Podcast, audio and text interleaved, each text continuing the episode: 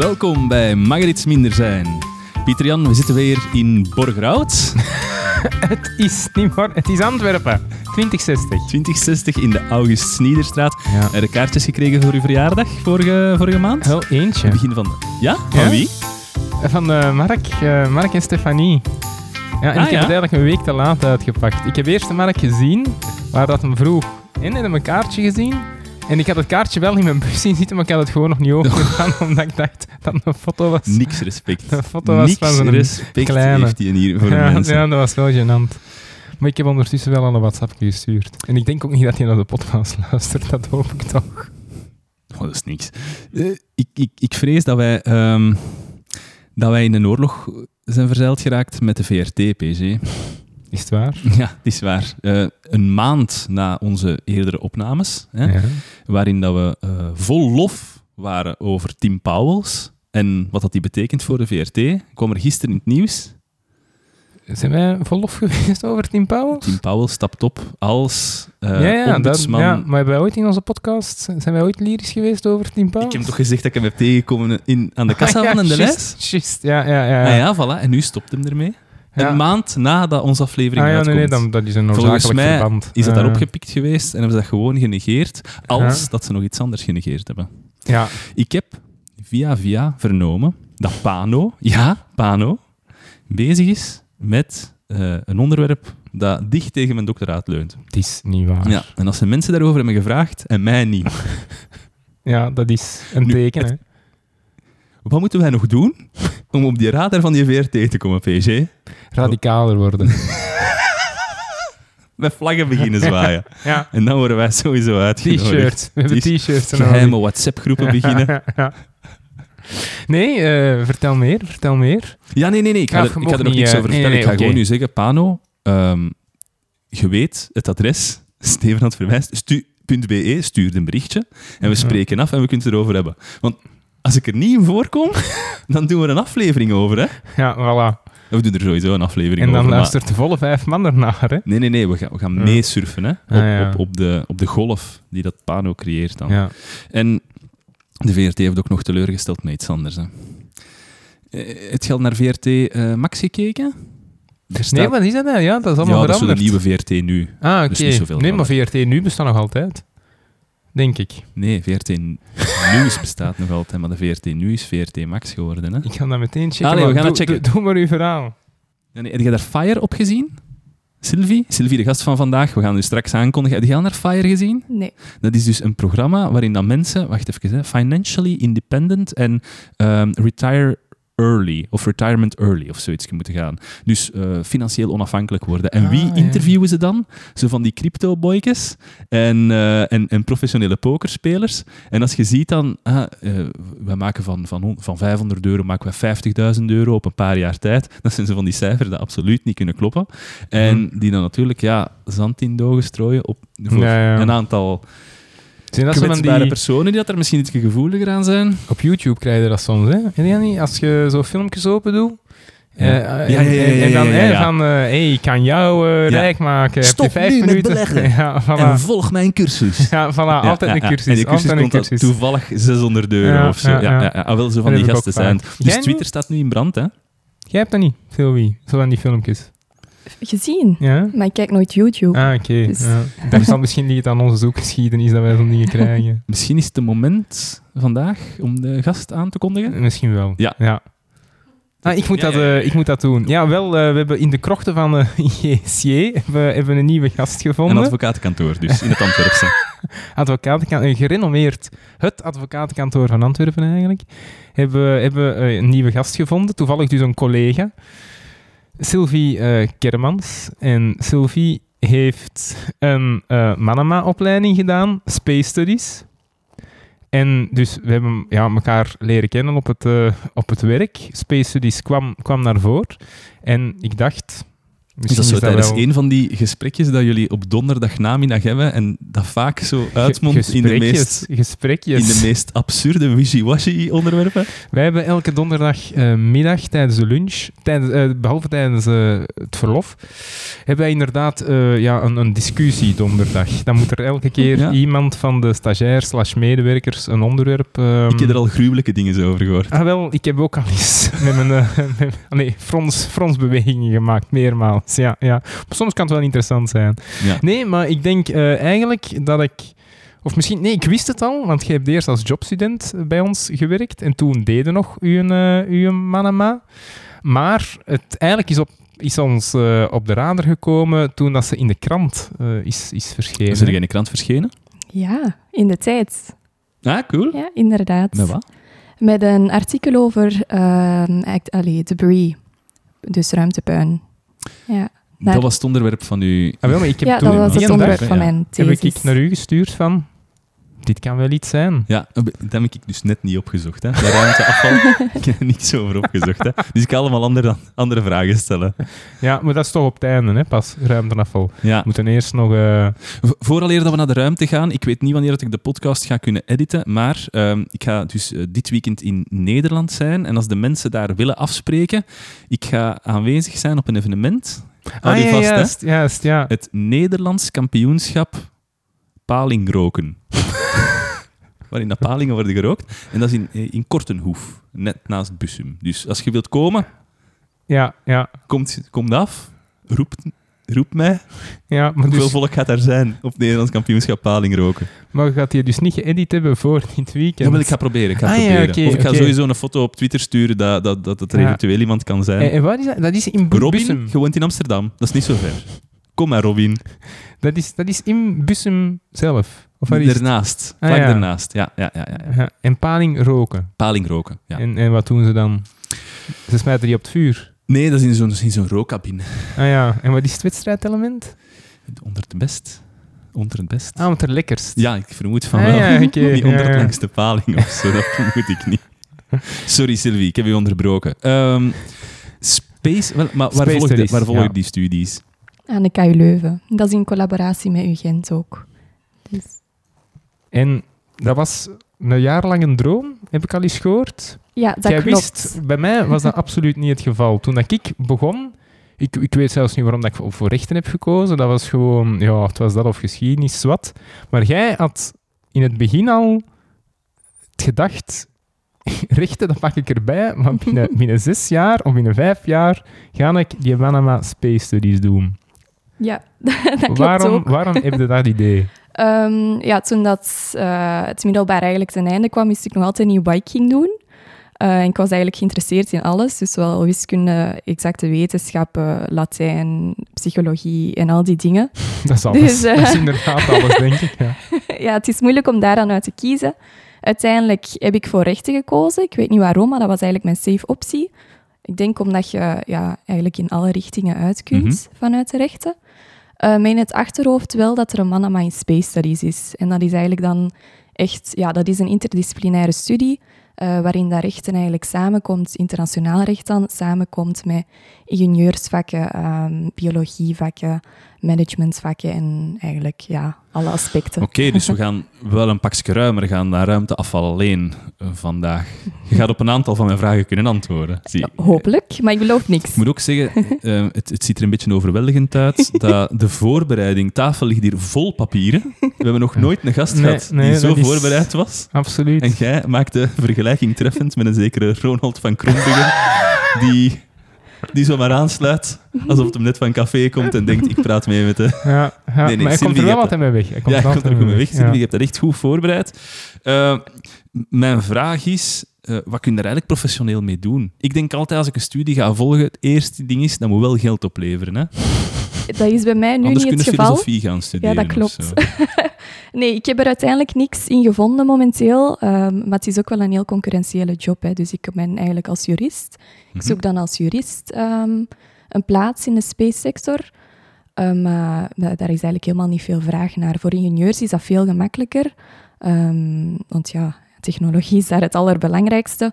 Maar voor juristen, dat is vooral ehm, posities in de ESA, de NASA en eigenlijk al die internationale organisaties.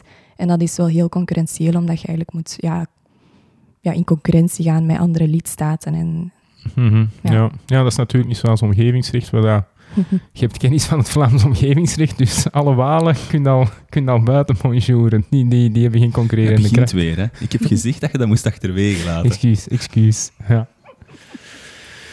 Ehm, nee, en dus, als ik het goed begrijp, die space studies, je vond gewoon de, de mengelmoes van vakken die je kreeg, die vond je interessant, maar het was niet zozeer dat jij op je, op uw kinderkamer allemaal foto's had van sterrenstelsels en van, van Neil Armstrong en Dirk Freemout. Dat was niet het geval. Het is niet begonnen space en dan afgeleide space studies. Het was meer van het pakket interesseert me wel, ingenieurs, dingen, eh, juridische dingen, het pakket. En dat koppel ik dan wel gewoon aan space. Ja, dat klopt. Dus ik ben eigenlijk niet overtuigd geweest of het doorslaggevend criterium was niet de space sector zelf, maar eigenlijk de combinatie van al die aspecten, het interdisciplinair criterium Ja. daarachter. hè. Dus ja, technologie interesseert me ook gewoon, wat misschien een beetje raar is voor een jurist. Ja, wel, dat hoort niet veel. Hè? Dat hoort niet veel. Maar ik denk wel, dat gaat toch opkomen. Maar bij, waar dat je nu over spreekt, zo in, in het middelbaar, was dat ook niet de periode dat Dirk Freemout... eh, Dirk nog, we zijn nog niet zo oud. Maar dat Frank de Binnen, want ik weet nog, dat was op eh, een woensdagmiddag. Wij zaten allemaal aan de, de, de tafel in de veranda en we waren naar tv aan het zien omdat de Frank de Binnen ging opstijgen. Nee, nee, nee, nee, nee. nee. Was dat niet zoiets? Ah, de, de tweede keer misschien. Maar de Ah. eerste keer heb ik nog gezien en dat was op een weekenddag. Want ik ben toen speciaal wakker gebleven tot het drie uur of zoiets. Ja, het Nee, is maar lang geleden in mijn hoofd. Ja, Hij is oké. twee keer naar... eh, ja, maar Frank, over Frank de Winne gesproken. Er is hier iemand aan tafel. En ik ben het niet die Frank de Winne als prof heeft gehad. Wat? Is hij prof? Ja, een gastprof. Ah, ja, ja, ja, ja, hij heeft soms eens lesgegeven bij ons aan de KU Leuven in de Mannenmadam. Waarom zit jij hier dan? Jesus. Ja, Sorry, Sylvie. ik zal weggaan. Doei. Hoe was het? Hoe, en hoe was dat? Ja, dat toch was, Starstruck zijn, zoiets. dat was interessant, hè? Was die Ja, toen al maar- één? Nee, die was, ja, uiteraard Ja, was hij ja, toen al twee twee keer keer. gegaan. Ja, ja. En, en wat is die zijn, eh, zijn achtergrond juist? Dat weet ik niet. Ja, het zal een ingenieur. Nee? Is, ah nee, is dat geen piloot? Is dat geen F-16-piloot of zoiets? Ja, dat weet ik nu ook niet. Dat weet ik. Maar dat is toch niet de meest charismatische... Of wel? Ja, stel je voor dat we die nooit nog op de podcast vragen. Maar die, die komt zo niet over als de meest charismatische persoon. Goh, die is wel heel gepassioneerd over Ja? zijn vak, dus die kan... Ja, oké, die heeft ook wel TSS heeft moeten leiden, zeker. Dat heel veel, wel... Ja, Och, inderdaad. Heel veel inzichten daar ook over. Hè. Dus het was, het was ja, interessant. En hoe lang is die? Die is daar een half jaar of zoiets. Die is daar weet- echt nee, lang geen geweest, idee, hè? Geen idee. Maar er zijn er dus twee, twee Belgen, hè? Dirk Vriemaat Ja, en, en- Frank de Winne. Ik denk dat jij nog niet geboren werd met Dirk Vriend. Ken dat? nee, Ja. dus twee inderdaad. Alright. Ehm, en je zegt ruimteafval. Ehm, is, dat zo, is dat zo een van de problemen waar dat we op dit moment echt mee zitten, met dat ruimteafval? Ja, dat is wel een van de problemen die heel hard aangekaart wordt en, en eigenlijk een hot topic is, vooral binnen ja, internationale, eh, het internationaal niveau en bij de Verenigde Naties en zo. Hè. Dus Kun, kun je daar gewoon eens iets over zeggen? Hoe geraakt dat daar? Hoe, hoe, hoe, hoe problematisch is dat? Hoeveel afval is er juist? Eh, exact weet ik het niet. ESA heeft daar wel een specifiek aantal aantallen voor. Mhm. En dat is ook gewoon gepubli- gepubliceerd op hun eh, website. Dus je kunt eigenlijk gewoon via Google eh, typen ESA ehm, numbers debris. En daar zie je eigenlijk al, allemaal statistieken van hoeveel ehm, spacecrafts er in, in orbit zijn geschoten. Hoeveel dat daarvan functioneren. ehm, hoeveel dat er kapot zijn hoeveel debris dat ongeveer 10 centimeter is, 5 centimeter en, en nog kleiner. Dus dat wordt heel goed en heel hard opgevolgd. Nu, waarom? Ja, dat heeft ehm, enerzijds een korte termijn probleem en een korte termijn gevaar voor eigenlijk functionerende satellieten. Dus als, dat, als een, een debris eigenlijk botst tegen bijvoorbeeld het ISS, ja, dan moet dat sowieso... Allee, dan, dan gaat dat niet meer functioneren. Allee, ISS is nu wel iets, een, iets drastisch, George Clooney? Ja, is dat niet Gravity? Dat die, Ja, ja, dat dat die buiten zaten en dat er een golf afkwam van, van Space. Maar het, het ISS heeft toch onlangs zijn baan moeten aanpassen door Ja. Space Debris dat langskwam. Hè? Ja, want het was naar aanleiding daarvan dat jij geïnterviewd bent, nee? Nee, nee, dat was naar aanleiding van een, een ASAT, eh, een anti- anti-satellite. Ah, wel, maar was dat daar Rusland? niet voor? Ah, wel, dat Rusland... Maar hebben ze, ah nee, dan hebben ze moeten Nee. schuilen. Dan hebben ze niet hun baan moeten aanpassen, maar ze zijn dan wel moeten gaan schuilen, denk ik. Hè? De, de, de bewoners van, van het ISS. Omdat dat ze ook wel niet goed wisten wat er eh, met, die, met die brokstukken ging gebeuren. Ja, dat is inderdaad altijd heel moeilijk om eigenlijk te gaan ehm, predicten. Dus ja, hoe zeg je dat in Nederland? Voorstellen. Ja. Voorspellen hoe dat die cloud van debris zich gaat verspreiden doorheen de atmosfeer. Doorheen ja, de atmosfeer aan de aarde. Nu, Dat is maar een het ISS is inderdaad, ja, het ISS is inderdaad sinds dat het ja, van start is gegaan, zeven- 27 keer moeten Oh. eh, ja, gewijzigd worden van orbit om eigenlijk die debris te gaan ontwijken. En die hebben daar genoeg brandstof voor? Of wordt daar elke keer nieuw brandstof bijgestoken als daar iemand toekomt? Ik denk dat daar... Nee, dat weet ik niet. Ja, dat is een goede vraag. Ja, ik maar allee, ik zou veronderstellen dat je daar wel br- brandstof bij kunt voegen. Ja. Ja, Ja, we moeten die Ah, ja? anders... Ja, die kunnen toch Ah, wel, nee, ja, oké, ga- maar omdat je bij sommige satellieten hoort van, ah, het is bekend gedaan, nu gaan ze neerstorten, want, maar ja, oké. Dus, maar Ah, nee, ja, ik wil maar, ik waarschijnlijk wil maar wel, zeggen, ja, omdat dat zo, ja, je moet dus wel, hoeveel, hoeveel weegt dat zoiets? Je moet dat echt uit, uit zijn baan krijgen, je moet er superveel brandstof voor gebruiken, dat kost keiveel Ja, om pas dat op, naar daar te krijgen. 27 keer, dat valt nog. Dus sinds eh, de, de lancering van het ISS tot nu 27 Sin- keer. sinds dat is ja, Dat vind ik nog. afgerond. Hè? Allee, de, Ja, oké. de werken daar van boven, ja, inderdaad. Dus sinds 1991, denk ik, of 2000. Wel, op, op 22 jaar vind je dat dat eigenlijk nog, nog meevalt. En het is, ze, ze zien dat echt ruim op voorhand aankomen? Of is dat echt van, oké, we hebben een halve minuut, we moeten hier weg? Nee, nee, ze zien dat wel ruim op voorhand aankomen. En ook, ehm, ze, hebben eigenlijk, ze nemen grote marges. Hè. Dus als er debris binnen, ik denk, de 15 meter of zo kan komen, dan gaan ze al bewegen. Ja.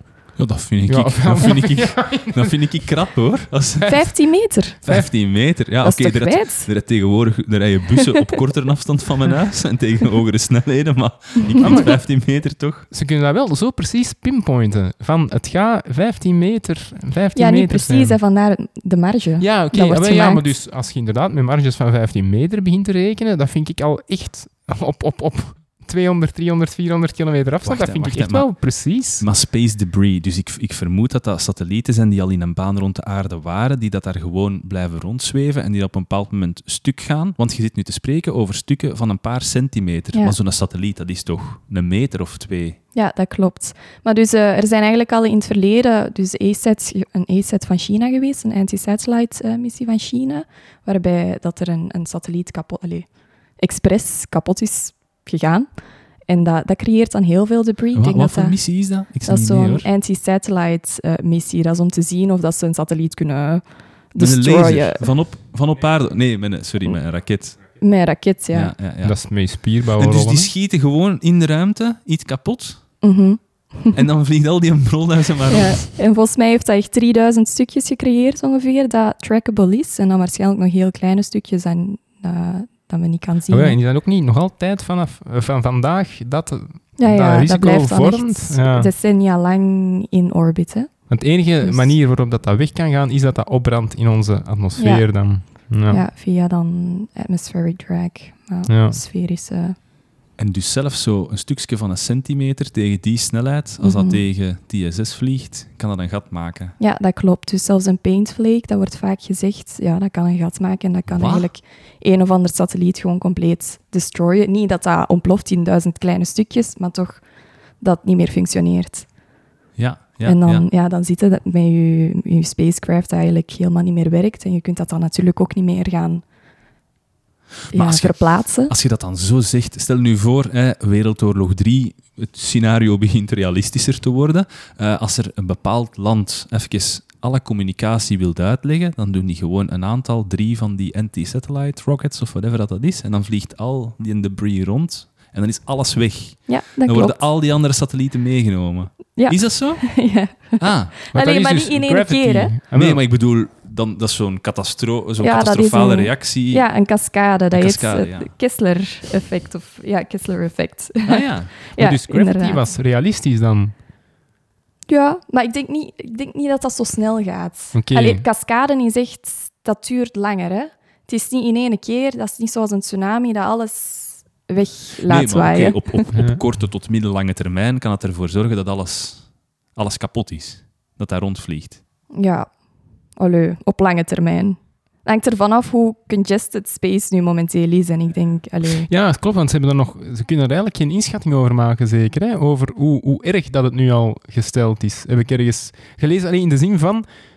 Is dat Kessler-effect nu al bezig? In de, hè? Dus als we nu gewoon niks... We we blijven vanaf nu op de aarde, we doen niks meer. mhm. Dat ze niet weten... Is het eigenlijk al gestart en, en gaat het die cascade krijgen? Of, of zijn we nog niet gestart en, en blijft, het, blijft het dan zo? Eh, dat we, ik zal zeggen binnen 100 jaar dat het dan nog altijd veilig is om, om terug naar de ruimte te gaan, of is binnen 100 jaar opgefokt omdat, omdat het eigenlijk al begonnen is. Dat ze dan op dit moment eigenlijk niet kunnen inschatten waar dat we in die, in die evolutie staan. dat wordt wel gedaan. Je hebt zo van die debris evolutionary models van de NASA, van de ESA, van Frankrijk. En al die dingen waarin dat eigenlijk aan de hand van voorspellingen en, en algoritmes en zo... ehm men start van, vanuit het aantal spacecrafts dat er momenteel in orbit zijn. Ehm, er is een, een factor no launches. Dan is er nog een factor ehm 90% van de, de spacecrafts gaan wel in de atmosfeer en opbranden en zo. Allee, ja, van, ja, opbranden. Mhm. Ja. Ehm, en wat de status dan eigenlijk is van, van low Earth orbit in, in die situatie.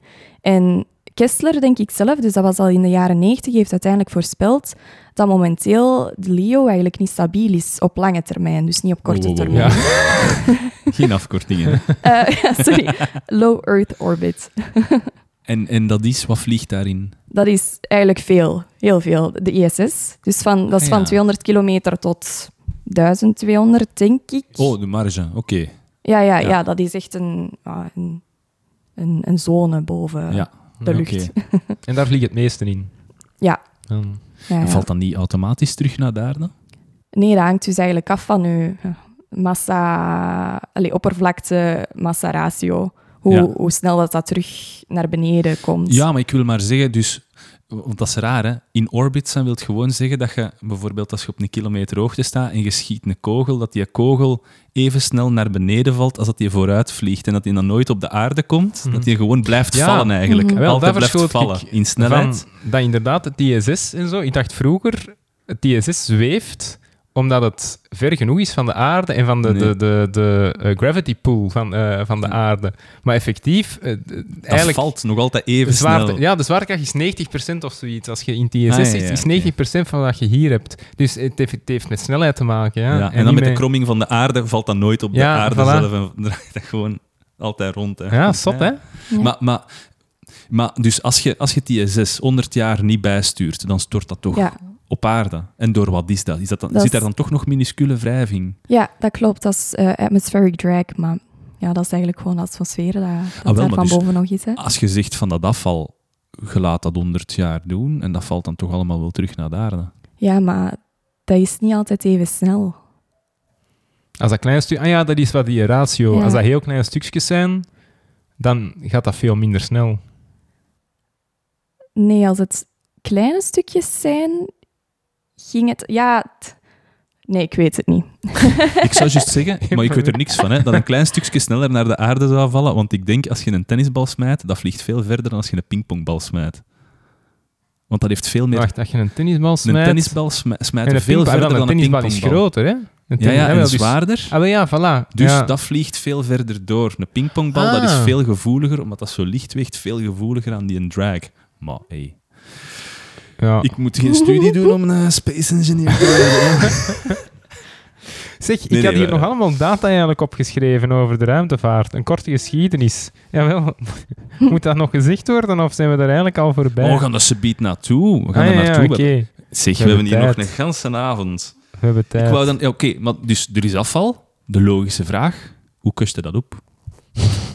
Kuste kakjesjoep. Kust je kakjes op? Uit er iemand die rumvelt? Dat, dat begrijp ik ja waarschijnlijk niet. Nee. Dat is, Sta- dat Stan is niet een tv-programma. Van Stanny Krits en... eh, Ah, staan die krits en... en eh, Peter van den Begin. Peter van den Begin, ja. Dat was... Ja, hoe heette dat? Ik weet niet, maar die deden dus of dat ze Grieken waren. Ja, en dan, ja, en dan Kustekakisjoep was het Grieks voor Voor hygiëne. hygiëne. Ja. Je moest erbij zijn. ja. Eigenlijk moest erbij zijn. We, we evokeren het misschien niet zo goed, maar het was, het was best grappig. Eh, ja, Maar ik ben daar te jong voor. ik, ik denk het. ik denk het, ja. Ja maar toch, toch. We gaan een keer zien naar de VRT Max. denk dat, Misschien ik denk dat staat het erop. tijdloos is. Wel Ja. als op de VTM. hè. Ik denk dat toen al op de VTM was. VTM... Ja, ja. Dus, hoe kust je dat op? Ja, dat is de vraag. Hè? Nee, het belangrijkste is sowieso dat je het eerst vermijdt.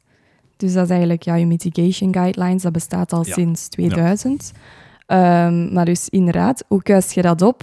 Dat is nu een hot topic ehm, binnen internationaal recht. Allee, het is een internationaal niveau weer, eh, bij ESA, bij verschillende, eigenlijk, eh, verschillende ruimteagentschappen. Eén manier, en nee, ja, de enige manier is active debris removal. Dat is eigenlijk effectief die dingetjes gaan, allee, al die Ja. kapotte spacecrafts en, en, en puin weg te gaan halen uit de ruimte. En dat is eigenlijk aan de hand van een satelliet, een conciërge-satelliet, die via een net Dus of ja, via een grijper eh, die spacecrafts eigenlijk in Via de atmosfeer gaat. Ja, Maar ik heb inderdaad, ze een maar keer op YouTube tentakels gezien en dat zo. ze, dat ze van zin waren om zo een soort van net te doen met Ja. zo'n soort van moes en dat die daar gewoon allemaal in vliegen in die moes of zoiets. Is, dat, dat lijkt me toch Ah, wel, maar is dat, Ik denk is dat dat- een idee ja. of is dat nu echt al gaande? Ik dacht dat dat ook gewoon maar een idee was. Dat is een ze- idee. Ah, ja, maar er zijn wel missies die dat willen demonstraten, Ja, oké. tonen. Dus je hebt bijvoorbeeld in JAXA heb je de CRD2, hoe heet dat? Commercial Removal. Debris Demonstration. Maar wat, in JAXA? JAXA, ah, ja, sorry. eh, dat is Japanse Ah, oké. ja, ruimteagentschap. en die hebben eigenlijk sinds 2019 dus een, een missie om een bepaald ruimtepuin uit de ruimte te gaan halen met behulp van eigenlijk een, een private onderneming. En dat is nu Astro, Astroscale geworden. Ik weet niet of Alright. dat jullie van hen ook niet. Nee. Nee, niks. Nee. Dat is echt wel Als een... het niet Musk is, dan moeten we het niet hebben. Nee. Nee, dat is dus... eh, En, en waarom zouden daar de lead in nemen als Japan zijnde? Wat, wat hebben we erbij te winnen? Want uiteindelijk hebben we dan niet gewoon het, het gevolg dat heel de wereld freeride op, op uw inspanningen? Ja, uiteindelijk kan dat als dienst aangeboden worden. Hè? Als ehm, bijvoorbeeld landen, dat in, landen in hun wetgeving over spacecrafts en over ja, die, Mhm, dingen te ja, launchen, zo, ja. je moet daar een autorisatie voor hebben. Dus een toestemming of een vergunning voor hebben om dingen in de ruimte te gooien. En het, het regelgevend kader dat eigenlijk een individu moet volgen, is, wordt gegeven door, door uw staat, allee, door uw land. En als Ah, dat ja. land zegt van oké, ja, je moet iets doen zodat je spacecraft niet blijft rondzweven, Een rekenpel. ehm, Zoiets. zoiets, ja. dan, dan moet die individu, dat, individu daaraan conformeren. En als, die dat, als dat niet lukt, zou, zou het land dan uiteindelijk kunnen zeggen van oké, we gaan bijvoorbeeld Astrocale inhuren. Eh, jij moet dat betalen, maar je spacecraft gaat wel naar beneden gehaald worden. Dus dat kan eigenlijk wel als soort van herstel Ah, ja. in natura worden opgelegd. Dat klinkt zo precies de VCRO, de Vlaamse Koninklijke Ordening, dat Ja, je het inderdaad. bestuursdwang en zo, maar dan op, op een de intergalactisch... niet nageleefd. Ah, dat is wel interessant. Ja, want klopt het dat tot, tot hiertoe daar eigenlijk ook niet echt over werd nagedacht, over die sustainability? Dat dat ook gewoon geen issue was Kan van... toch, maar ik geloof Ah, dat schiet u- nooit. schiet satelliet Iedereen zegt dat, dat ze daar vroeger niet over nadachten, maar dat kan toch niet? Ja, maar ja, misschien gewoon in dingen van de ruimte is, is kei groot, dus we doen, we doen maar op. Of, of wat bestond er... Want we gaan daar waarschijnlijk straks nog op ingaan dat er bepaalde verdragen zijn gesloten. 50 jaar geleden, was dat toen een, een issue daarin? Werd dat Nee. in die verdragen gesloten? Allee, de verdragen die zeggen helemaal niks over ruimtepuin. Enkel dat je ja, moet, moet zien dat je geen harmful interference creëert. Boven en daarin kan, allee, dat kan natuurlijk wel impliceren dat je dan niet te veel puin- eh, ruimtepuin creëert. Zodat andere staten ook iets van space activities kunnen doen. Maar Ja. voor de rest in de verdragen zelf, daar staat geen uitdrukkelijk beding of verbod dat je ruimtepuin mocht creëren, alleen niet mocht creëren of moet Ja. gaan weghalen. En dan hebben we natuurlijk ook nog de oplossing van China. En dat is door een, een oude satelliet van 12 ton gewoon te laten neerstorten ergens in, in de buurt van Amerika. Ah, is Zoiets. die, is die Nee. neergestort? Was dat niet in Indonesië en Maleisië? Hebben ze die niet laten... Maar Amerika was toch kwaad omdat die ging neerstorten in de zee of rond Amerika? Is die uiteindelijk in eh, Indonesië neergestort? Ah, oké, oké, oké. Maar dat is toch van een paar maanden. Ja, oké. Maar dat is... Misschien heb ik het over iets van deze maand. Ah, ja, ja, oké. ja, dit is al van een paar maanden geleden. van alles. Dat is Maar, maar dus, dus dat wordt gedaan. Er wordt gezegd, we hebben hier nog iets van 12 ton rondvliegen. Ik weet niet hoeveel vrachtwagens dat, dat zijn. We willen daar vanaf. Smijten dat wel even gewoon terug naar Daarne. Ja, in principe is dat normaal. Want dat Ah. moet, ja, om, om iets uit, uit de lucht te krijgen, moet dat terug naar de aarde. Of dat moet helemaal gaan freefloaten. Ja, maar je zou toch denken, allee, dat, dat verbrandt voor een, een Ja. deel in de atmosfeer. Hè? Dus het is niet volledig, allee, dat dat volledig Nee, oké. Maar ik denk dat ze het probleem hadden met het feit dat het ongecontroleerd was. Dat ze zeiden van, het gaat daar met benadering ergens zijn, met een straal van, van 2000 Ja. kilometer. Je- kun je dat controleren? Dat vraag ik mij nu ook af. Nou ja, want Dat zou toch moeten? Dat zou echt wel moeten. Maar hoe kun je dat nu controleren als dat niet meer werkt? Ja, tenzij dat je inderdaad als voorwaarde Dat oplegt neemt, ah, ja, dat je Ja. een minimum van energie moet, moet behouden in, eh, in de satelliet. De Maarten. Dat je de waarden komt. Ik heb een logier. Ik heb een logier, Ja? Steven. Ja, Ik, ik wou het daarnet zien. Ik dacht, mannen in huis? ja, ja, het is, eh, Het is het is is. Ik ben niet meer alleen. Ik ben niet meer alleen. Ja. Nee, de, de Maarten die moet eh, een periode overbruggen tussen het einde van zijn huurovereenkomst en ja, de oplevering, hè, Maarten. En wa- wanneer is de oplevering? Binnen een half jaar, zegt hij. Ik hoop niet vroeger. Ik hoop echt iets vroeger. Ah, de maar PC die rekent volle pot aan, Ja. zeker. Ja, daar moeten we eigenlijk nog eens over spreken, hè. Ja. Nee, komt wel goed, komt wel goed. Ja, maar hij gaat een uh, paardenbuffstuk eten. Wanneer? De, de, de vos, hè. Nu, nu. Hij, hij, gaat, hij gaat door. Hij eh, heeft een feestje. Ah, ik dacht dat hem hier, terwijl wij hier aan het opnemen zijn, een paardenstek ging bakken. Een kop was al... Stoort toch niet? Het stoort toch niet? Nee, nee, Smakelijke Maarten. Geniet ervan, hè. Ehm, wacht, hè, satellieten. Ik had nog een vraag hè, over die satellieten. Ja, ik, ik heb er al een eerste vraag Ah, ja. over. Dus, je, je hebt daar... Elon Musk heeft daar juist een treintje in de lucht geschoten van allemaal Mhm. satellieten. En ineens passeert dat spel van China daar van een aantal jaar geleden en al die satellieten in fruit uit elkaar. Wie Ah, is er dan daar? aansprakelijk? Nee, nee, ik weet Zijn- niet. zijn die daardoor? Ja, maar Nee, zijn nee, er nee, maar ik inderdaad zeg maar. Ah, ja, zeg maar iets. Is er een aansprakelijkheid? Kun je zeggen, China, we weten dat dat uw, uw projectje was, hè? dat van die 3000 ruimtestukjes, jij gaat ervoor betalen. Is er iets van geregeld? Er is wel, ja, er is een liability convention. Dat is eigenlijk een van de vijf verdragen dat bestaat over ruimte. Uh-huh. Ehm, en daarin wordt dus aansprakelijkheid geregeld voor eh, schade dat, dat berokkend wordt aan dingen in de ruimte. Maar dat is wel een foutaansprakelijkheid. Dus je moet natuurlijk wel een fout aantonen in hoofden van China voordat je die kunt aanspreken. En wie gaat erover oordelen? Ik Want denk, als China daar zelf over moet oordelen, denk ik. ja, je hebt dus de International Court of Justice, eh, ICJ. Ehm, en die is eigenlijk in principe eh, bevoegd voor Ah, internationale disputen, Ja. maar dat is niet altijd, allee, die, die, die, haar jurisdictie is niet erkend door alle staten. Ja. Dus als dat niet erkend is, dan kunnen ze nog wel een special agreement gaan overeenkomen om een bepaald dispuut Ja. wel voor de ICJ te regelen. Maar Dat moeten staten zijn ook zeker, hè? Ja, Want denk klopt. SpaceX bijvoorbeeld, Ah, ja, ja. mag je er al gewoon niet naartoe. Ik heb zo nee, stil- maar Ja. eh, de US Haar, haar vinger gaat naar boven. Haar vinger gaat naar De, boven. de US kan natuurlijk wel altijd. Alleen dus Ja, de VS in van, naam van, ja, ja, ja. in naam van, inderdaad.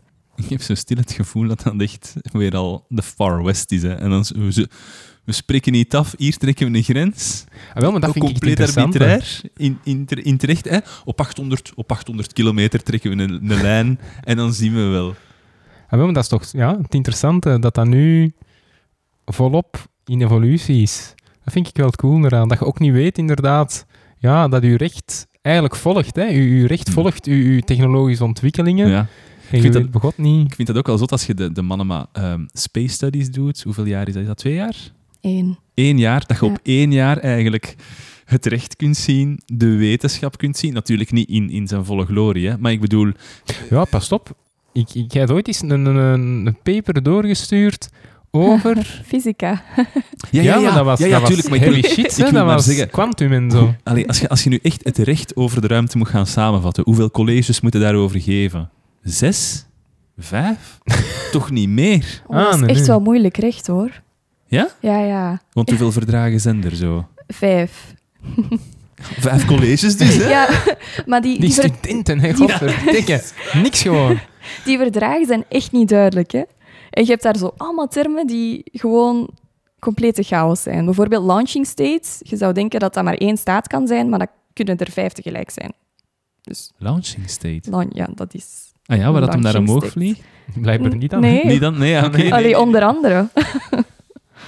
Ja, ik kan mij wel inbeelden, inderdaad, dat is waar dat internationaal recht gewoon samenkomt, hè? In, in dat ruimterecht. Allee, dat is een, een toepassing van internationaal recht, maar omdat je er zo op de snijlijn zit van politiek en rechten, Ja. dat dat niet zo'n evidente is. Dat kan ik me wel Ja, en, inbeelden. en nu met die private spelers dat dat wordt ingehaald. Maar we zullen misschien, hè, want je zei er straks, misschien moeten we eens even terugkoppelen. Ja. Hè, we hebben nu ruimte, recht gehad. Misschien, wat is, van waar begint dat? Van waar spreken we over de ruimte? Is er daar zo'n magische grens vanaf wanneer dat je ineens begint te zweven? Of, ah nee, want je Ja, blijft- dat wordt de, de Karaman-lijn genoemd, denk ik. Ja, hè? dat Ja. klopt. Ik- ik- dat heb ik ook op Wikipedia gelezen. Ja, en dat is eigenlijk eh, de grens waar dat je geen vleugels meer nodig hebt. Zeg, Heb ik, er, heb ik ergens gelezen. Allee, qua vliegtuig. Ja? Dus eigenlijk is, is de grens waar dat de, het, het vliegtuig vliegt, dat is nog net onder de Karamanlijn. Oké. En daarboven dus niet meer. Dus een soort van atmosfeer, hoeveel atmosfeer dat er nog is. En daar stopt dat dan. Dat je eigenlijk enkel maar je snelheid nodig hebt om rond de aarde Ah, te ja, kunnen ja, draaien. Ah ja. En dus niet meer Dus dat uw vorm, of uw, uw, gezweef. uw, eh, uw aerodynamica doet er niet meer Ja. toe. Van het moment dat je boven die lijn zit, je, eh, als je je snelheid maar Ja, goed genoeg dus je is. snelheid is dus inderdaad belangrijk. En zitten we dan op een... Ah ja, want als je dat hier probeert, dan branden gewoon. als je dat op een kilometer hoogte probeert, Ja. dan branden gewoon op. Maar ehm zijn we dan bezig over 100 kilometer? Want ik hoor vaak 100 kilometer. Is dat, Nee, is dat officieel? Ik dacht dat het 100 was, ja. ja? Oké. Dat is ook gewoon, omdat dan, dan, dat, was een dus mooi gewoon, getal, Ah, hè? ja, voilà. Dat gaat toch niet exact zijn voor, met dat vliegtuig? Ik vermoed dat. En voor wat is dat belangrijk, die grens? Is, Ehm. geldt er vanaf daar... Ja, oké, we hebben een, een rechte fetish, en dat gaan we misschien wel gezien hebben. Dus als wij ons afvragen, is er daar... eh, Fysiologisch zal er daar waarschijnlijk niet zo'n groot verschil zijn, of fysiek, maar juridisch misschien? Een verschil vanaf die 100 kilometer? Ja, dat wel inderdaad. Dus qua soevereiniteit van een staat en uw ja, territoriale jurisdictie. Wow, wow, wow, wow, wow, wow. Oei. Dus daaronder wilde zeggen, ja, je, kunt, je vliegt in iemand zijn Ja, dat klopt. airspace. en Dus- je moet daar toestemming Ja. voor vragen. En als je dan erboven bij een satelliet bijvoorbeeld gaat observen wat daar is, allee, in een bepaald land, daar moet je geen toestemming voor vragen. Ah ja, Ah, Ja. dan kun je echt gewoon suckers. dus... We dus gaan boven u vliegen. En je kunt echt spionage... Eigenlijk een spionage, eh Heeft Oekraïne dat spionagesatelliet niet is... net gedaan? Eh, De Oekraïnse bevolking heeft samengelegd om een spionagesatelliet te kunnen kopen. Echt? Om boven... De crowdfunding. Ja, om, ja, maar niet per se om boven het grond... buiten, buiten de luchtzone te zijn, maar gewoon Ja. om te kunnen... En daar kun je niks tegen doen als land. Nee. Ah, oké. Wat verdikken. Maar ja, dat is toch ook met, met Google Maps. Dat, dat gebeurt toch ook allemaal met satellieten. En Google gaat niet aan elk land vragen om Nee. toestemming. Ah nee, want Allee, hoeveel keer of vliegt i- daar rond de aarde per uur? Dan zou die... Ja, dan zou die 20 toestemmingen oké. per seconde moeten gaan vragen. Oké. Ja, ja, oké. En, vanaf, bekeken. vanaf dan die grens, die Karman-grens, dat je gezegd, Mhm. geldt het ruimterecht. En al die conventies waar ik over sprak, die, die, die verdragen, Ja. die zijn vanaf dan van toepassing. Dat klopt. Ah, en dat staat ook echt in, in het verdrag, die Karman-line? Of is dat gewoon, Nee. ook dat is gewoon terecht? Dat is, dat, eh, ja, Want uiteindelijk, die... Allee, dat heb ik ook ergens gelezen, hè, dat wij nu aannemen dat als je met, met een vliegtuig boven het grondgebied komt van, van een staat, dat dat ook het grondgebied is van een staat, hè, Mhm. of dat dat de soevereiniteit is van. Dat is ook nog niet zo... Allee, uiteraard is dat nog niet zo oud, want het vliegen bestaat ook nog maar 100 jaar, Wacht, wat 100 wilde jaar. zeggen dat als je in uw boeing van, van Amerika naar Rusland, als je in Frankrijk iemand doodsteekt, boven het Franse grondgebied, dat je volgens het Franse recht een misdrijf hebt begaan? Ja, dat niet? weet ik niet. Nee, oké, ja, Ja, sorry. maar ik is dat ook je niet mee met inderdaad eh, wie dat een dader en wie dat slachtoffer is? Ah, ja, ja, dat maar ik denk in principe inderdaad dat je, dat je ja, onder de soevereiniteit van Frankrijk valt als je in, in Frans, Ja, ja. onder- boven het Franse luchtruim eh, ehm, vliegt. En we nemen dat, dat dat klinkt heel logisch, maar dat zijn nog maar concepten die ja, Alain Provist zijn, zijn uitgedacht. Hè. Mhm. Uiteindelijk zouden effectief die grens ook lager kunnen, kunnen leggen en zeggen... Ja, een paar honderd meter, dat is nog het grondgebied van. Maar van het moment dat je Ah, ja, een kilometer of zo vliegt, ja, dan, dan zit je ook eh, internationaal recht. Hè. Vanaf daar begint ook, allee, denkende van klimaat en atmosfeer, et cetera, dat dat ook maar... mm, Ik, ik heb dat altijd van, je denkt, ja, dat is logisch, maar als je daar verder over nadenkt, ja. Dat zijn ook maar afspraken Want die we bij hebben een gemaakt. vliegtuig snapte dat, dat kan een bom laten vallen, dus logisch dat je dat wilt controleren. Maar als Ja, je het zo bekijkt, een satelliet kan ook heel veel schade aanrichten als dat ergens overvliegt. En dat maakt foto's van dingen die dat eigenlijk niet mogen. Doel, als je foto's neemt van Doel bijvoorbeeld, foto's van de kerncentrales, Ja, dat mag niet. dat kan vanuit een satelliet, ja. Ja. Ja, inderdaad, ja, bestaat er eigenlijk. Als je, als je zo'n dingen... Dus nee, dan kun je niks... eh, als je van die geheime sites, militaire sites, kun je niks tegen doen. Nee. Ah, Oké. Nee, Ja? Volgens mij is dat ook gewoon terecht dat je dus geen toestemming moet vragen. Misschien moet dat er Ja. wel even bij zeggen. Gewoonterecht, dat is zoiets wat dat je in het eerste Ah, ja. jaar van je rechtenstudies zo een keer krijgt. Van, als er geen... Allee, er is altijd recht van toepassing. Ook al is het maar gewoonterecht. Zelfs als je thuis in je gezin bent, het gewoonterecht is dat er... Als je aan het eten bent, dat je Niet op je gsm. dat niet op je gsm zit, dat is nooit afgesproken, maar dat is gewoon wel de gewoonte. En, en er zijn zo instant custom, noemen ze dat, hè, dat op een bepaald moment, eens dat het gebeurt, is het gewoonte. Er komt iemand in de ruimte, wat dat die en daar doet, dat is vanaf dat moment het gewoonterecht. En ik geloof daar wel in. Als je met je raket, de eerste dat met zijn raket in de ruimte vliegt, ja, die creëert daar op dat moment wel het recht. Ja, maar dan creëer je toch eh, het gevaar dat de sterkste het recht gaan, gaan Ja, bepalen. Zo is het toch altijd? Ja, ja, ja. Ja, daar, daar, zit iets in. Maar misschien moet het recht... Zoals het vroeger ook, hè, zijn. met Dieudonné, die dat zei, eh, de koning, gegeven door God, ik creëer hier het recht. Ja, ja, dat klopt. Maar, misschien, ah, wel, maar is dat niet het, het, de filosofie die, die achter de, de eh, Outer Space Treaty en zo zit, dat het toch iets idealistischer is? Hey, misschien gaan we daar straks, het, ja. eh, straks, straks op ingaan, maar dat het eh, toch iets meer naar, naar ehm, solidariteit eh, gericht is. En minder, als je de eerste zei, dan, dan bepaalt het. Ja, ik denk dat ruimterecht, momenteel die vijf verdragen, dat, is, dat zijn heel veel compromissen hè, tussen... Maar dat is het. Staten. Het ruimterecht, als we Dus- daarover spreken, dat zijn vijf, Ja, vijf verdragen en dan oké, wat je misschien als Ja. gewoon ja en terecht heb kunt. je ook nog soft law en zo. Ja. Soft law. Ja, dat zijn niet bindende guidelines, bijvoorbeeld de Long-Term Sustainability Guidelines van Ah, ja. 2021. Dus gewoon richtlijnen die worden gemaakt. Liefst volgde die, maar als je die niet volgt. ja. dat klopt. En die, die En verdragen... dat kan misschien nog wel een fout laten Ah, ja, allee, ja, ja, aantonen. Ja, ja, ja, ja. Nou, oké. Alleen En- en- nalatigheid dan. Vijf verdragen. Hè. Ehm, Vijf verdragen. Wanneer, dus wanneer is de, de eerste eh, raket of zoiets in de ruimte gegaan en, en, en hoeveel jaar later is dat verdrag gesloten? Want die, die, die tussenperiode vind ik wel, wel interessant. Dan. Dat heb ik opgezocht. Dat Ja. heb ik opgezocht. Ja. Ik, ik heb Ja, echt- meester. Ik heb, ik heb de geschiedenis. eh, ik heb de geschiedenis. Ah, misschien een, eh, een vraagje. Wanneer is, is het eerste man-made object de ruimte ingegaan? Bedoelt je Sputnik? Ja, vroeger. Vroeger. Ah, Vroeger nog. In, Ja, Dus we zitten in 1900. ja, ja oké. ja, ja. Eh, 52. Vroeger. wat? Ja? Ah, zo'n eh, zo'n zo'n V2-raket of zoiets van de ja, Duitsers. dus blijkbaar is er in 1944 een, een eh, raket geweest die niet goed was afgesteld. Die moest naar Londen vliegen. Ze- ja, en ze maar hadden, die dus, is... ze hadden die buiging, die kromming, hadden ze er niet ingezet of ge- ge- geprogrammeerd. En die is gewoon vertrokken, recht naar boven. En dus die heeft een afstand of eh, een hoogte bereikt van 146 kilometer. Ja, wat er Ah, daarmee ja. is gebeurd, dat En weet dus ik het niet. waren de Duitsers. Het waren de Duitsers eigenlijk die het eerst... Godverdikke. ja, Af en daar toe zat, daar ze zat toch... niemand in natuurlijk. Hè? Nee, maar, nee, maar- ja, ja, dus die hebben... eh, de Ook geen dieren.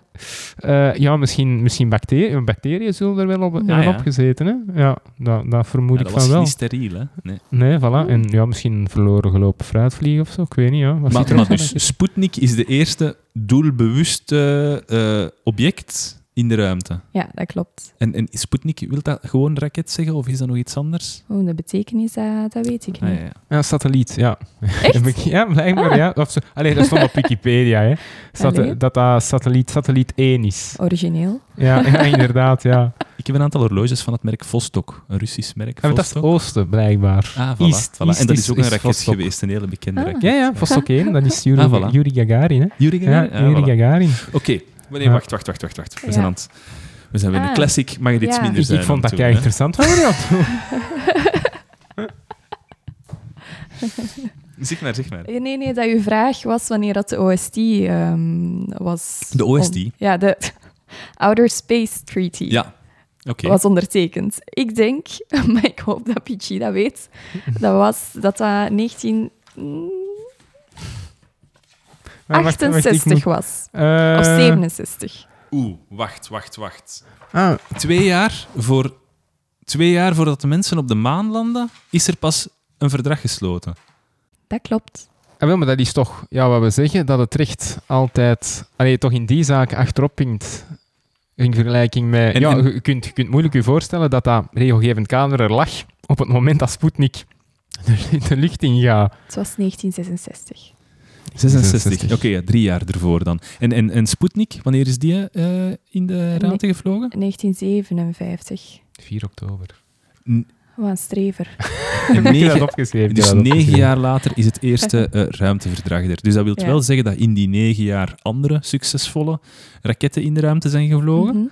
En, en, en Is er daar heel veel over bekend over die periode? Wat dat er dan werd gedaan? Of was, waren er onafgesproken regels? Was er een ethische code dat als je iets afvuurt, dat je dan zegt de laatste stukje kerosine dat we hebben, of whatever dat ze gebruiken als fuel, richten we om ze terug naar de aarde te laten komen? Of was dat echt gewoon Far West? Eh, je had wel ja, UNG, ehm, United Nations General Assembly Resolutions. Dat Mhm. zijn eigenlijk resoluties die ehm, werden aangenomen door ja, de, de plenaire vergadering, de algemene vergadering van, van de Verenigde Naties. Dus dat was echt met ja, unanimiteit. Ja.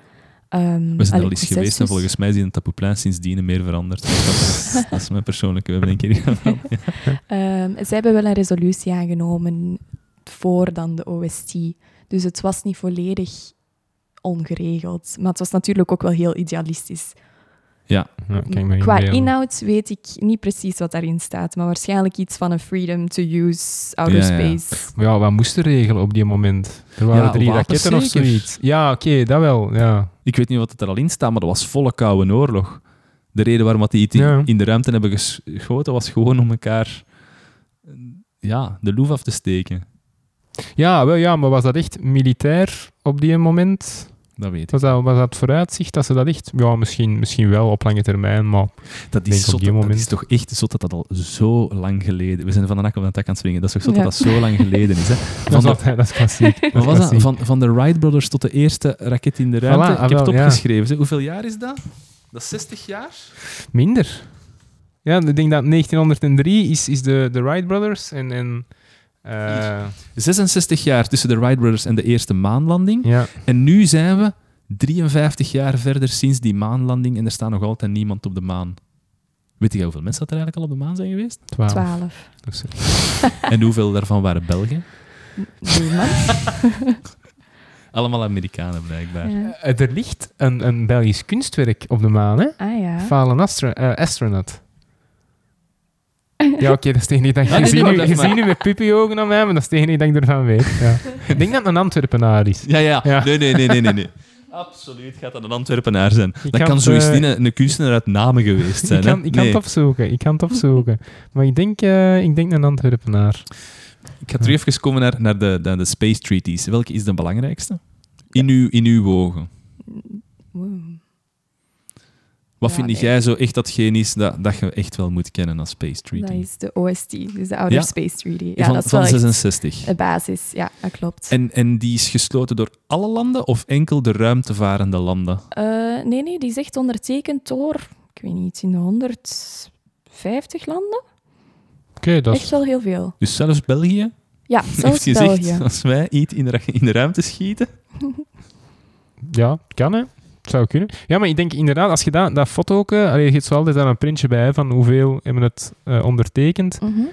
Dat zo wat landen in Afrika inderdaad rood nog waren, maar dat voor de rest het, het vrij groen kleurt. En, en wat staat daar dan zo ehm, concreet in? Ehm, dat je een equal freedom hebt om de ruimte te gebruiken en te onderzoeken.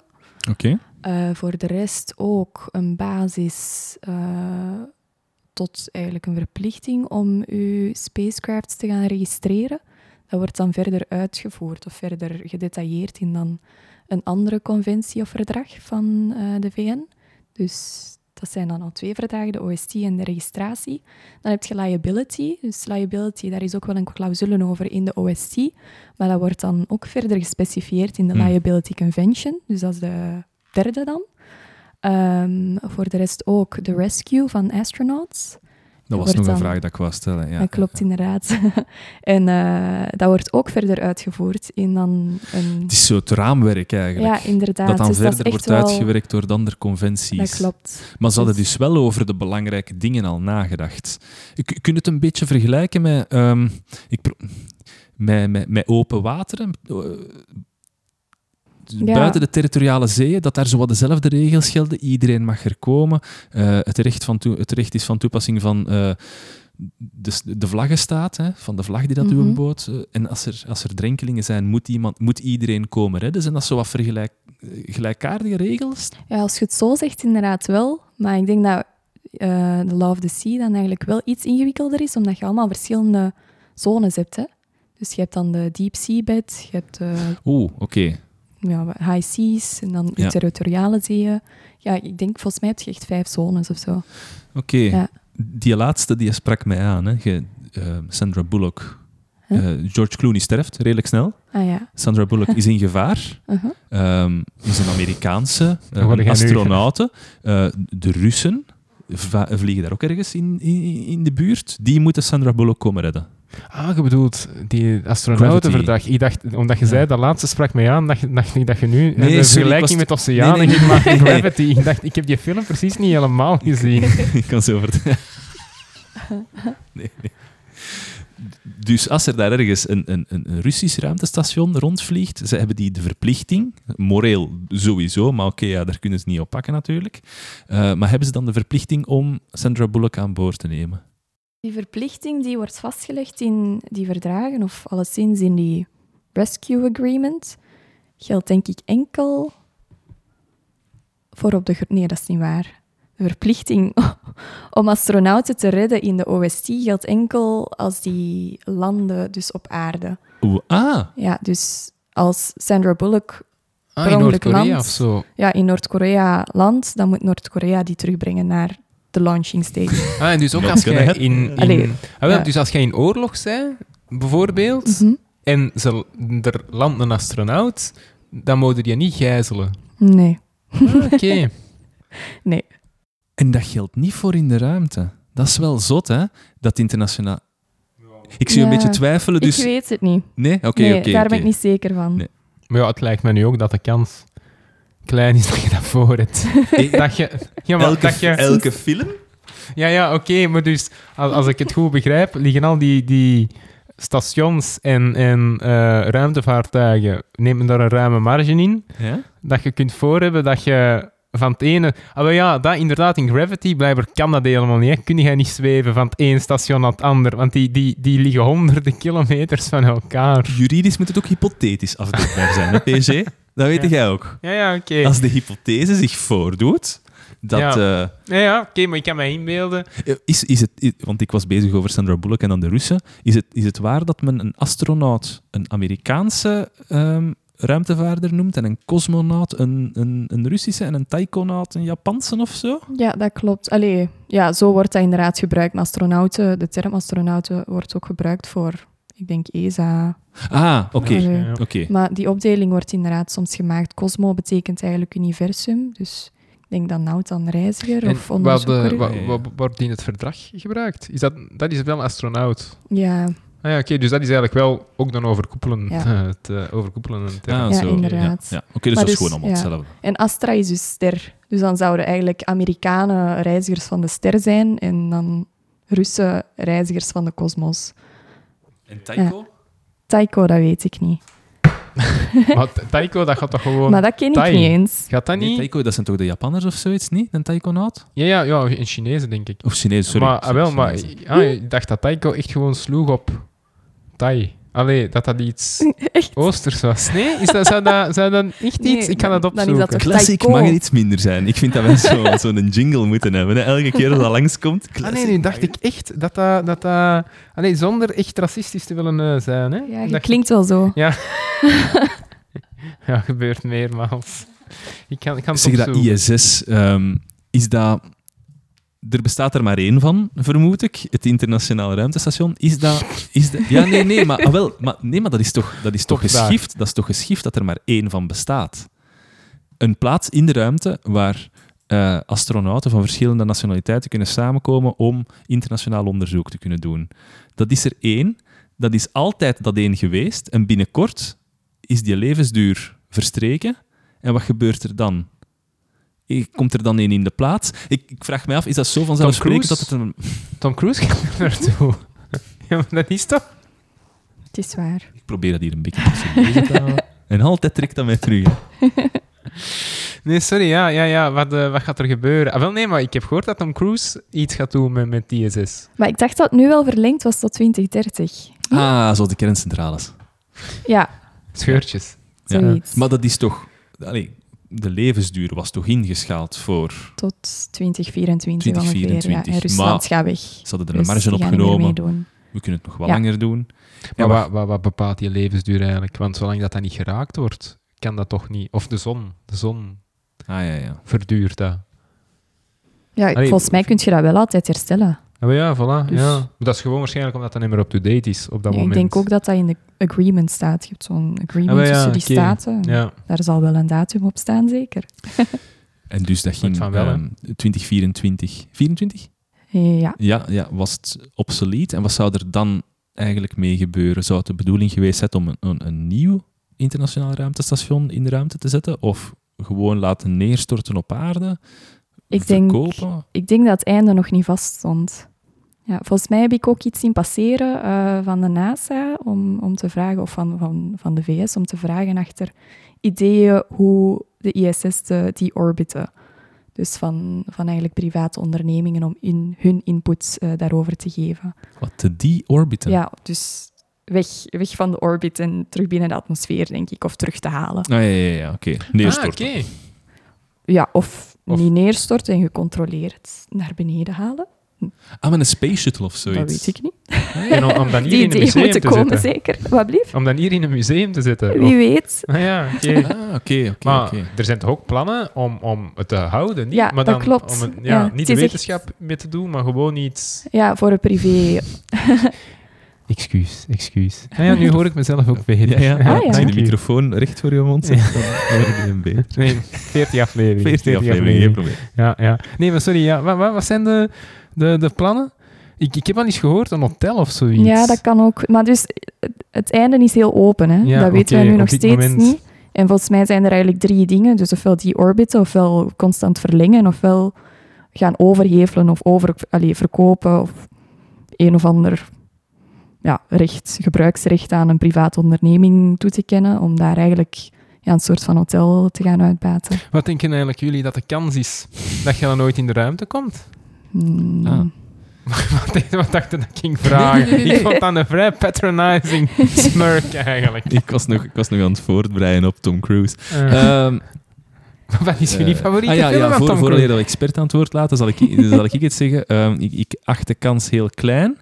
Eh, niet omdat het op dat moment onmogelijk gaat zijn of onbetaalbaar, maar dat mijn prioriteiten anders zouden liggen. Ik denk niet dat, ongeacht welk bedrag dat, dat op dat moment gaat kosten, dat gaat geen 24 euro kosten. Hè. Dat gaat, dat gaat Nee, oké, een maar dat vind ik al een... eh, een aantal maandlonen kosten en dat gaat Ah, wel, maar dat vind ik al een heel optimistische stellingname van u. Dat je inderdaad wel... Wat nu zo de... Ja, ik de- heb nog de- wel 60 jaar te gaan, denk ik. Ah, wel, ja, oké. Ja, ja. Ah, wel, maar wat nu de, de duurdere cruise is of zo, dat dat 10.000 euro kost. Ah ja, voilà, nee, dat, dus, dat is het ook voor mij niet doen? waard. Nee, nee, Oké. nee, nee. Ik sluit mij daarbij aan. Ja? Ja. Denkt jij Maar- ook dat dat zo snel? Ja, dat denk ik wel. Alleen met SpaceX. Dat je, je, hebt, je hebt alles daar nu voor eigenlijk. Hè? Enkel, Ja, enkel allee, individu, de consument, moet er het geld voor hebben. En Ja, als je ziet, zie je dat toch met... met dat is nu iets totaal anders, maar DNA, zeg je dat toch soms in Nerdland? Ja, maar het uitlezen van uw DNA, dat Mhm. dat is begonnen met een miljardenproject, maar letterlijk dat dat een miljard kostte of Human zoiets. Genome Project. Voilà, en, hè, of, of hoeveel. En dat ze nu zitten aan 300, 300 Maar dollar. minder, echt nog minder. Of minder, Nog ja. minder, ja. Ah, ja. lieve Scheire zei hij was in een tour aan het doen en na COVID, ja. als hem er gewoon voor toen was het nog een keer gehalveerd. Ja, ja, voilà. voilà. Ja. Oké, het is natuurlijk het is iets anders. Je moet, Ja. ja, Ja, het standaardiseren van, van een uitlezen van DNA Ja, vereist minder... Ja, wel, dat, dat snap ik, dat snap ik. Maar toch lijkt het mij niet, niet onmogelijk. Als Ja. je dat wat ja, kunt standaardiseren, want die, die producten, allee, zo brandstof, of is dat, maakt het dat kei duur, brandstof? Nee, toch? Ook, denk ik. Dat is omdat Dat is nu mij- nog gevaarlijker is, neem ik aan. Dat uw verzekering dan ook zo Ja, en duur ook... is. Ah, wel, maar dat zijn dingen die, die allemaal perfect aan naar beneden kunnen van het moment dat, dat je daar wat expertise in dan hebt opgebouwd. Ja, laat nu brandstof niet hetgeen zijn wat dat over de laatste honderd jaar lijnrecht naar beneden is gegaan. Hè. Dat Ja, is Maar, altijd ja, maar misschien dan op dat moment ook andere, andere brandstof. By the way, ik heb Taikonaut Ja? gevonden. Oh, oei, kijk, mijn screensaver is ondertussen opgesprongen. Ik, ik kan even mijn wachtwoord. Caillou 1, 2, 3, 4, 5. Sst. Het was effectief Sorry, Stefan. 1, 2, 3. Sorry, sorry, Stefan. Eh, dus, dus.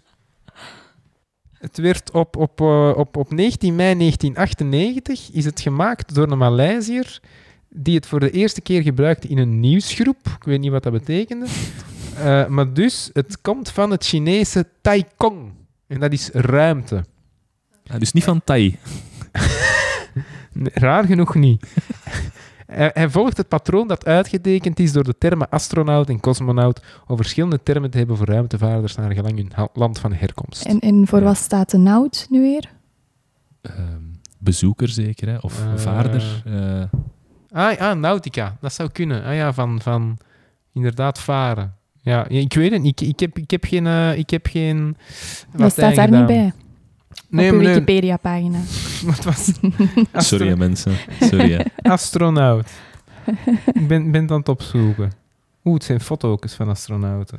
Ehm, dus. PSG stelde net de vraag wat voor ons realistisch gaat. Hier, Ja. Nautis. Zeeman. Hey, hey. Ah, En astronaut. Master wat ster, in de wat ster betekent? ja. zelfverklaarde master in de ruimtestudies. Eh, nee, ehm, eh, Sylvie, eh PSG vroegen daarnet dus eh, space travel, hè, of ehm, de toerisme. Mhm. Kunnen we ooit naar de ruimte gaan?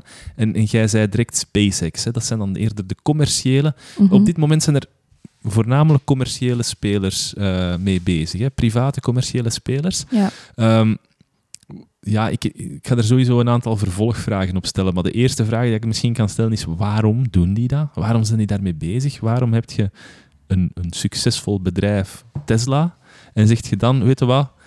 Mijn bedrijf is nog altijd niet winstgevend, maar ik ga wel een ruimtevaartbedrijf beginnen. Wat zit daarachter? Waarom, waarom zijn die Elon bezig met Musk. ruimtetoerisme? Al die, al die coryfeeën.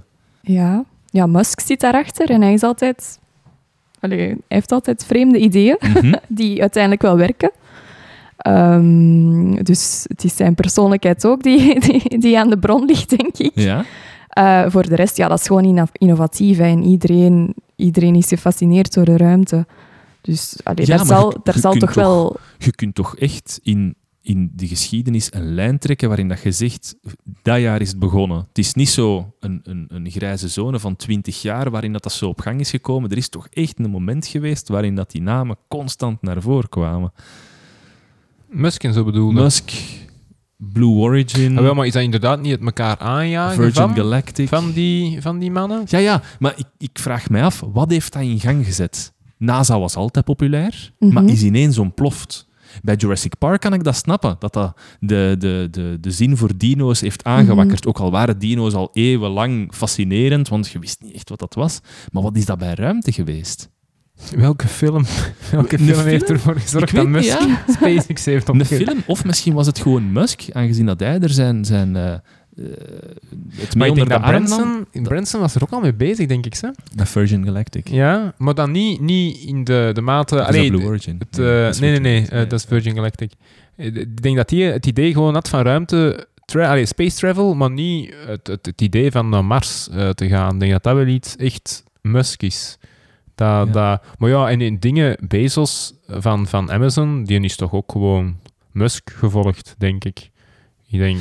En, en, maar dus, oké, dat zijn dan die, die private... Maar zij hebben het wel... Zij zijn wel degene die dat het haalbaar gaan maken voor ons, denkt jij. Die maken het efficiënter en goedkoper. En ja, En waarom...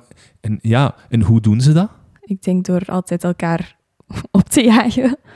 De markt. En, en ook, ja, het is, dat, is, dat, is- dat zijn particulieren, hè. dat is winstbejag. NASA is net, dat is, dat is van een overheid, dus voor hen maakt het niet, alleen die, die zoeken niet naar winst. Dus voor hen moet het niet efficiënter.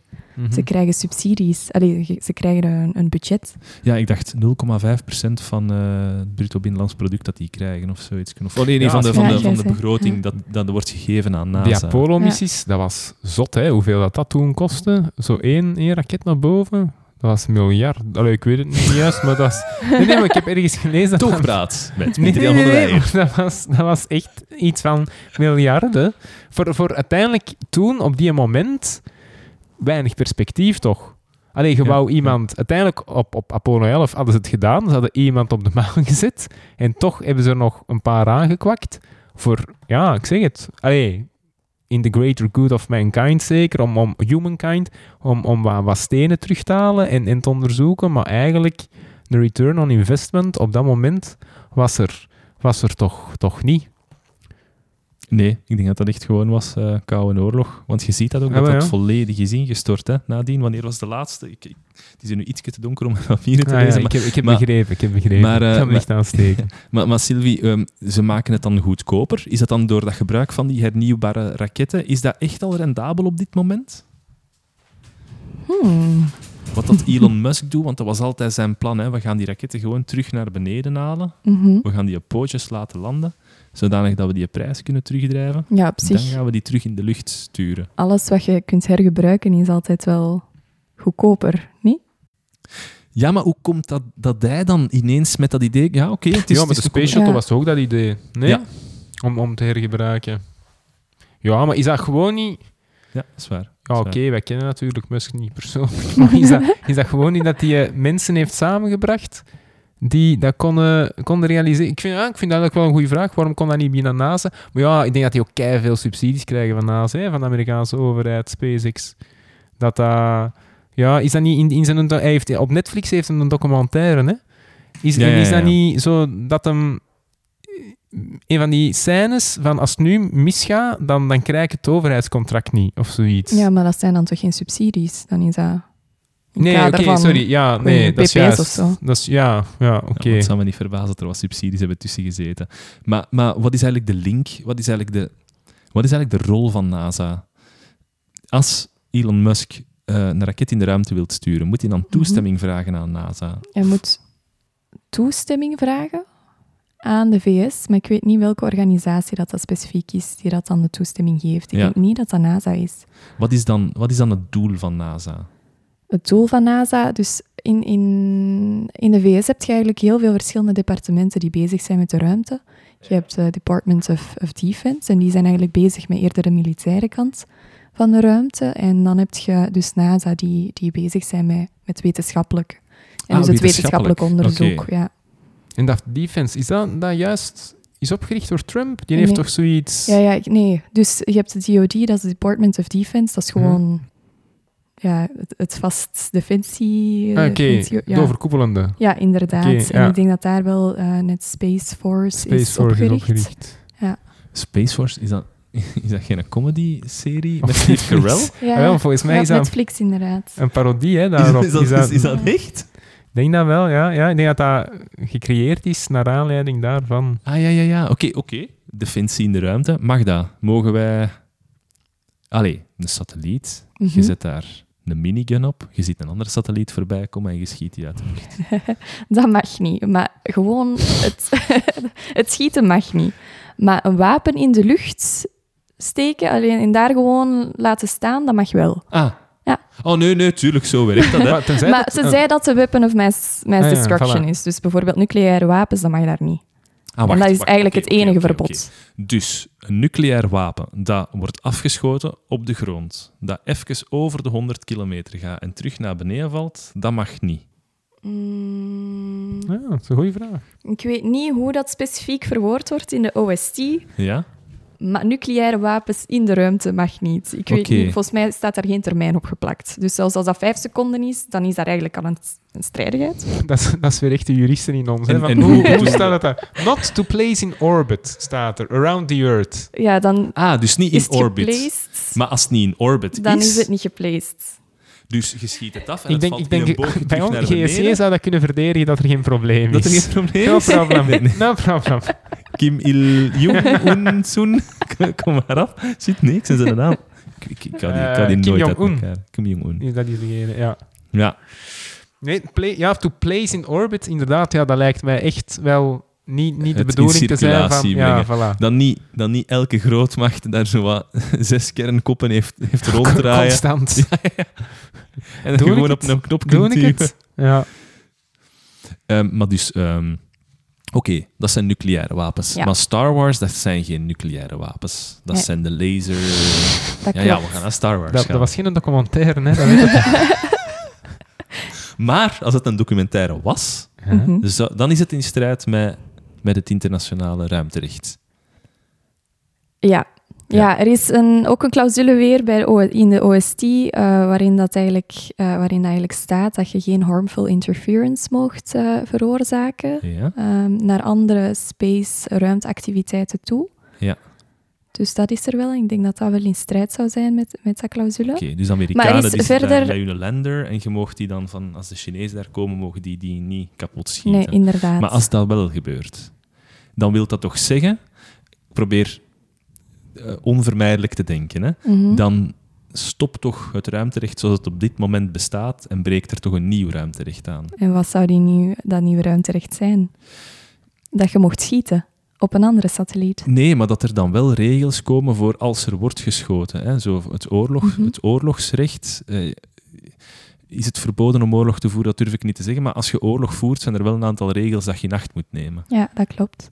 Eh, Maar, eh, allee, eh, want dat lijkt me allemaal zo... Je mocht geen wapens meenemen naar de ruimte. Ah, tof, tof, tof. Ah ja, maar Poetin doet het wel. Mhm. En wat doen wij dan? Ja, dan pakken wij ook een Het wapen gaat mee naar over de ruimte. handhaving hè? gaan, hè? Het gaat over Het gaat over handhaving voel het, gaan, ja, natuurlijk. Maar je mocht ruimte, eh, wapens naar de ruimte brengen. Hè? Daar is geen verbod op. Je mocht het gewoon niet gebruiken. Ja, maar oké, ja. Tuurlijk, tuurlijk. Maar het is, het is niet dat, dat uw wijkagent even in zijn raket gaat stappen en gaat zeggen, zo, ah, zo Poetin. Ze moeten, ze moeten stoppen met dat schieten. Schieten. Nee, ja, maar dat is eigenlijk wel een goede vraag, ja. Van, eh, ben jij optimistisch als je kijkt alleen naar die verdragen? Dat, daar straalt heel veel optimisme vanuit, hè? Mhm. Dat is zij de, ah, wel, optimisme, ja. maar, maar denk je binnen 50 jaar, wanneer, want uiteindelijk die, die verdragen zijn uitgedacht op een moment dat allemaal ja, ver, van ons, ver, van hun bedshow was. Hè? Op die moment, oké, ze konden dan wel iemand op de maan zetten, één, één natie kon dat, maar voor de rest niemand had, had die mogelijkheid. Dus, dus eigenlijk waren dat spanningsvelden die toen nog niet bestonden, maar waar, waar we, dat ze wel al oplossingen dan gingen verzinnen. Maar nu komen die spanningsvelden wel echt hè, aan bod. Staten kunnen wel naar de ruimte, meer en meer kunnen, staten kunnen dat wel. Dus die, die, die spanningen komen, komen naar boven. Denk je dat binnen 50 jaar dat we nog altijd over eh, het, het Outer Space Treaty gaan spreken als de grondwet voor de ruimte? Of gaan we dan inderdaad daar al lang voorbij zijn? En, en eh, dat dat al allee, of twintig keer geamendeerd is, dat het, dat het wel veel meer, allee, veel minder idealistisch is. En dat, dat, dat er wel eh, allee, het, het toe-eigenen van, et cetera, dat dat allemaal gezien wordt als iets dat, dat perfect mogelijk is. Het, het toe-eigenen van hemellichamen of het toe-eigenen van, van materialen. Wat dat verboden is hè, op dit moment. Ja, dat klopt. Ik denk dat dat zo blijft. Ja, dat en dat- ook dat je... Ik denk ook niet dat Rusland opeens een, een satelliet gaat schieten.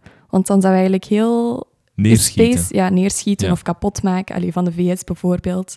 Want dat zou eigenlijk heel uw maatschappij in gevaar brengen. Ja, maar Momenteel... hij heeft andere dingen gedaan de laatste tijd. Ja, dat weet ik, maar alles in de maatschappij nu, space, allee, ruimteactiviteiten zijn zo inherent nu momenteel. In ons dagelijks leven, wij kunnen niet meer zonder. Hè. Allee, Ah, qua wifi, qua telecommunicatie, qua ban- banktransacties, GPS, militair ook. Het is daarom ook dat ik in het Dus- begin die vraag stelde. Stel je nu voor dat er één partij is die dat daar het minste van gaat getroffen worden. Als wij Rusland nog veel meer beginnen Mhm. te isoleren en dat Rusland volledig terugvalt op zichzelf, hebben ze wel nog altijd die ene kaart van oké, wij kunnen als grootste land ter wereld wel nog altijd werken met cash geld en met ehm, wha- whatever, onze, onze landkaarten. Maar als wij die internationale samenwerking willen stopzetten, dan schieten wij gewoon een aantal satellieten uit de lucht en dan hebben wij gewonnen. Want wij zijn het enige land ter wereld die een grootmacht kan zijn en kan blijven zonder die satelliet interference. En het lijkt me vrij heel onwaarschijnlijk dat ze niet meer zonder satellieten kunnen. Nee, Oké, zonder... Maar ik bedoel, ze gaan er de minste impact van ondervinden in vergelijking met de coalitie of zoiets. Zo heel hypothetisch. Ja, ja, oké. Nee, maar stel, stel nu dat Amerika Mars bereikt, of, of de maan gewoon terug bereikt en zegt: Fuck it, dat is nu van ons. Zou, zie je Fuck dat it, niet als dat een. is nu van ons. Zie je dat niet als een, Ja, Amerika zou dat misschien niet met zoveel woorden zeggen. Maar dat Rusland of zo dat zou doen. Dat zie ik nog wel als, als een mogelijkheid. Omdat nu staat er, hè, there is no sovereignty in space. Dat, dat een staat wel zegt van... Ja, dat is vanaf nu deel van, van ons land. Er staat een vlag op, hè. Er staat een Amerikaanse vlag op, hè. Ah, wist je? Dat was een wist je datje. Ik had eigenlijk een paar wist je datjes voorbereid ja, Voor, eh, voor deze aflevering. Dat die, die vlaggen waarschijnlijk wit zijn.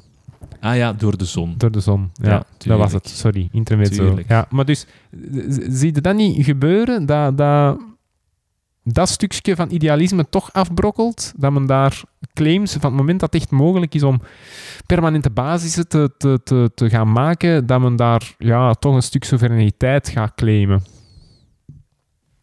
Claimen, de, de oppervlakte van de maan claimen, Ja. dat denk ik niet, want dat gaat echt volledig tegen wat er nu momenteel als ruimterecht wordt Ah, aanzien. wel, voilà, ja, dat bedoel ik. Ja. Dat, dat men gewoon zegt van, voert, wat gaat het doen? Wat gaat het doen? Het, het gaat tegen het ruimteverdrag in. Mhm. Maar ja, dan komt het toch gewoon op wat nu in Oekraïne, et cetera. Wat gaat het doen? Ja, misschien voor het internationaal gerechtshof slepen. Ja, maar Ja, ja, want die oké, strijdig wat met internationaal recht, boeien. ah, wel, ja. Dus dat is toch perfect mogelijk dat, dat een land door dat verdrag gaat breken en, en het, het, het, de, allee, tabula rasa maakt eh, en, en dat je met een, nieuw, een nieuwe situatie komt, dat je nieuwe ruimteregels gaat moeten beginnen indenken. Als er één iemand, allee, ik zal zeggen, als er één iemand begint met dat te doen, gaan alle andere naties dan gewoon niet volgen met oké, dat is nu de nieuwe status quo en je kunt, je kunt toe-eigenen.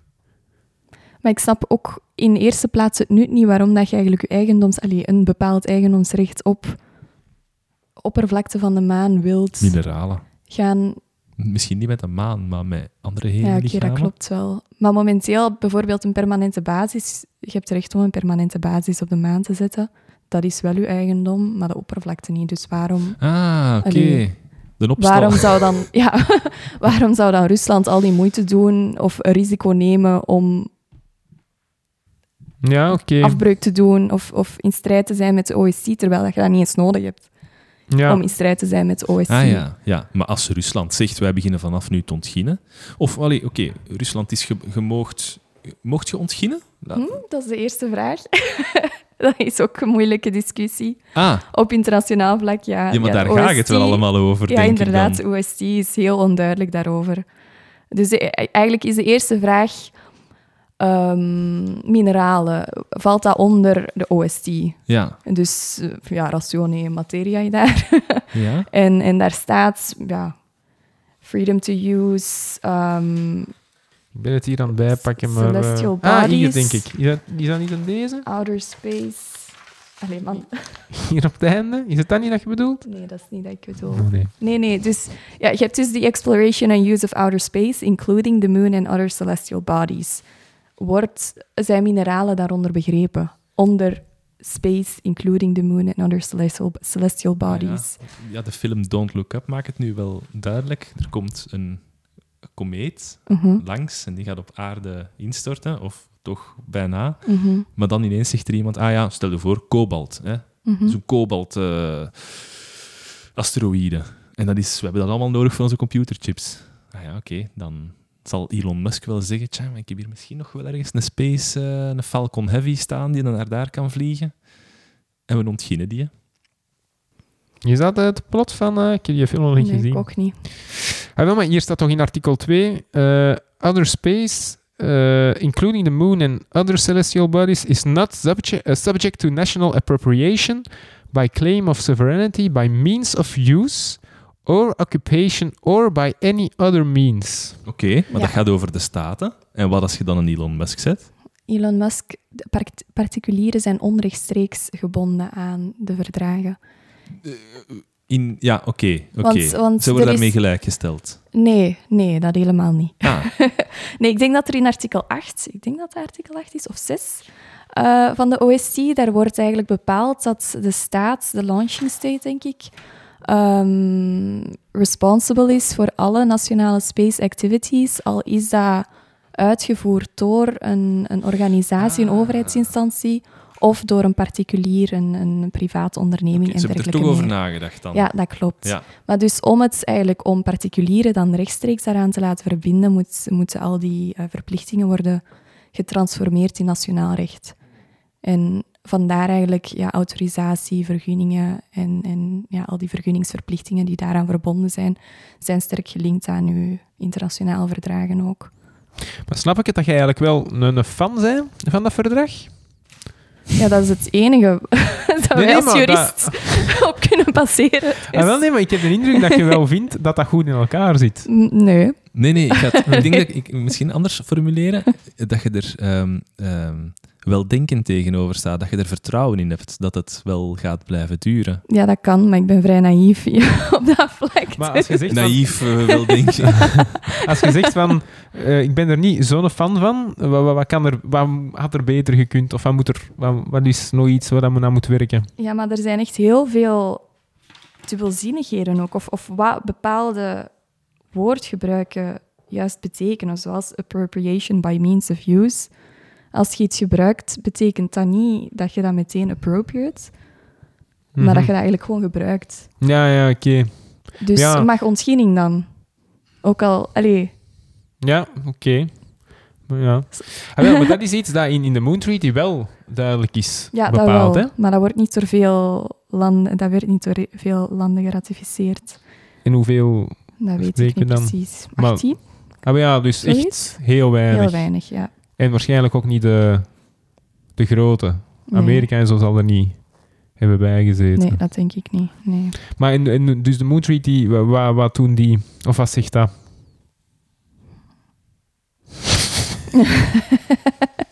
Blank Eh, stare. Moeten we passeren? ik, nee, nee. Huh? ik amuseer mij wel. ik denk dat je spe allee, moon, ja, de resources enkel mocht gebruiken voor wetenschappelijke finaliteit. Denk ik. En dat je een internationaal regime moet creëren voordat je eigenlijk gaat beginnen met... Juist, ah, wel, ja, klopt. Ah, wel, da- daar wou ik inderdaad naartoe. Ja, ik, ben, ik, ik heb het hier gewoon bij, dus... Eh, ah, wel, dat is toch redelijk vergaand. Hier staat, als ik mij niet vergis, in artikel 11 ten vijfde, states parties to this agreement hereby undertake to establish an international regime including appropriate procedures to govern uh, the exploitation of the natural resources of the moon as such exploitation is about to become feasible. Dus van het moment dat het kan, het ontginnen van de maan, nu dus ongeveer, moeten eigenlijk een internationaal regime creëren dat daarmee omgaat. Ja, maar enkel de staten die dat hebben geratificeerd, wat heel Ja, weinig is. En Ja. niet veel spacefaring countries. Nee, oké. Dus Ah, ja, oké, dat, dat, dat, dat geef ik u gelijk in. Maar dus dit is eigenlijk wel een heel verregaand, verregaand verdrag. ja, of eigenlijk niet, hè, want Ja, Ze doen alsof dat ze, dat ze dat probleem gaan oplossen van exploitatie en daar een framework in willen creëren, maar uiteindelijk Dus zeggen ze... het gewoon naar voren. Maar dus het probleem blijft toch... Ja. Het, het probleem blijft toch dat we eh, afhankelijk blijven van de welwillendheid van andere landen om volgens die regels te blijven opereren. Maar vanaf het moment dat er één iemand zegt, wij trekken ons daar echt helemaal niks van aan, Mhm. Ehm, ook al zeg je dat je dat dat niet per se nodig is, hè, want je kunt sowieso al een basis opzetten en zo. Maar oké, er zijn wel andere regels die dat er tegenin gaan. Ja, dan gaan we daar toch een, een antwoord op moeten vinden als internationale gemeenschap. Ja. Stel je nu voor dat, dat, dat, dat China tien jaar voor staat technologisch op Amerika. Mhm. En China komt daartoe op de maan en begint daar met zijn basis en begint een aantal zaken te doen die dat eigenlijk niet oké zijn. Zet daar een grote, ik weet niet, space laser of zoiets op bepaalde delen van de aarde gericht. Dan komt James Bond, denk dan, ik wel. ah, wel, Ja, ja. met, met een goede Omega-reclame. Ja. Maar dan nog zitten we wel tien jaar achter en gaan we dus gaan die verdragen op dat moment niet veel meer voorstellen. Ja, de verdragen zijn wel de claim om druk mee uit te oefenen. Dat kun je Mhm. wel zeggen.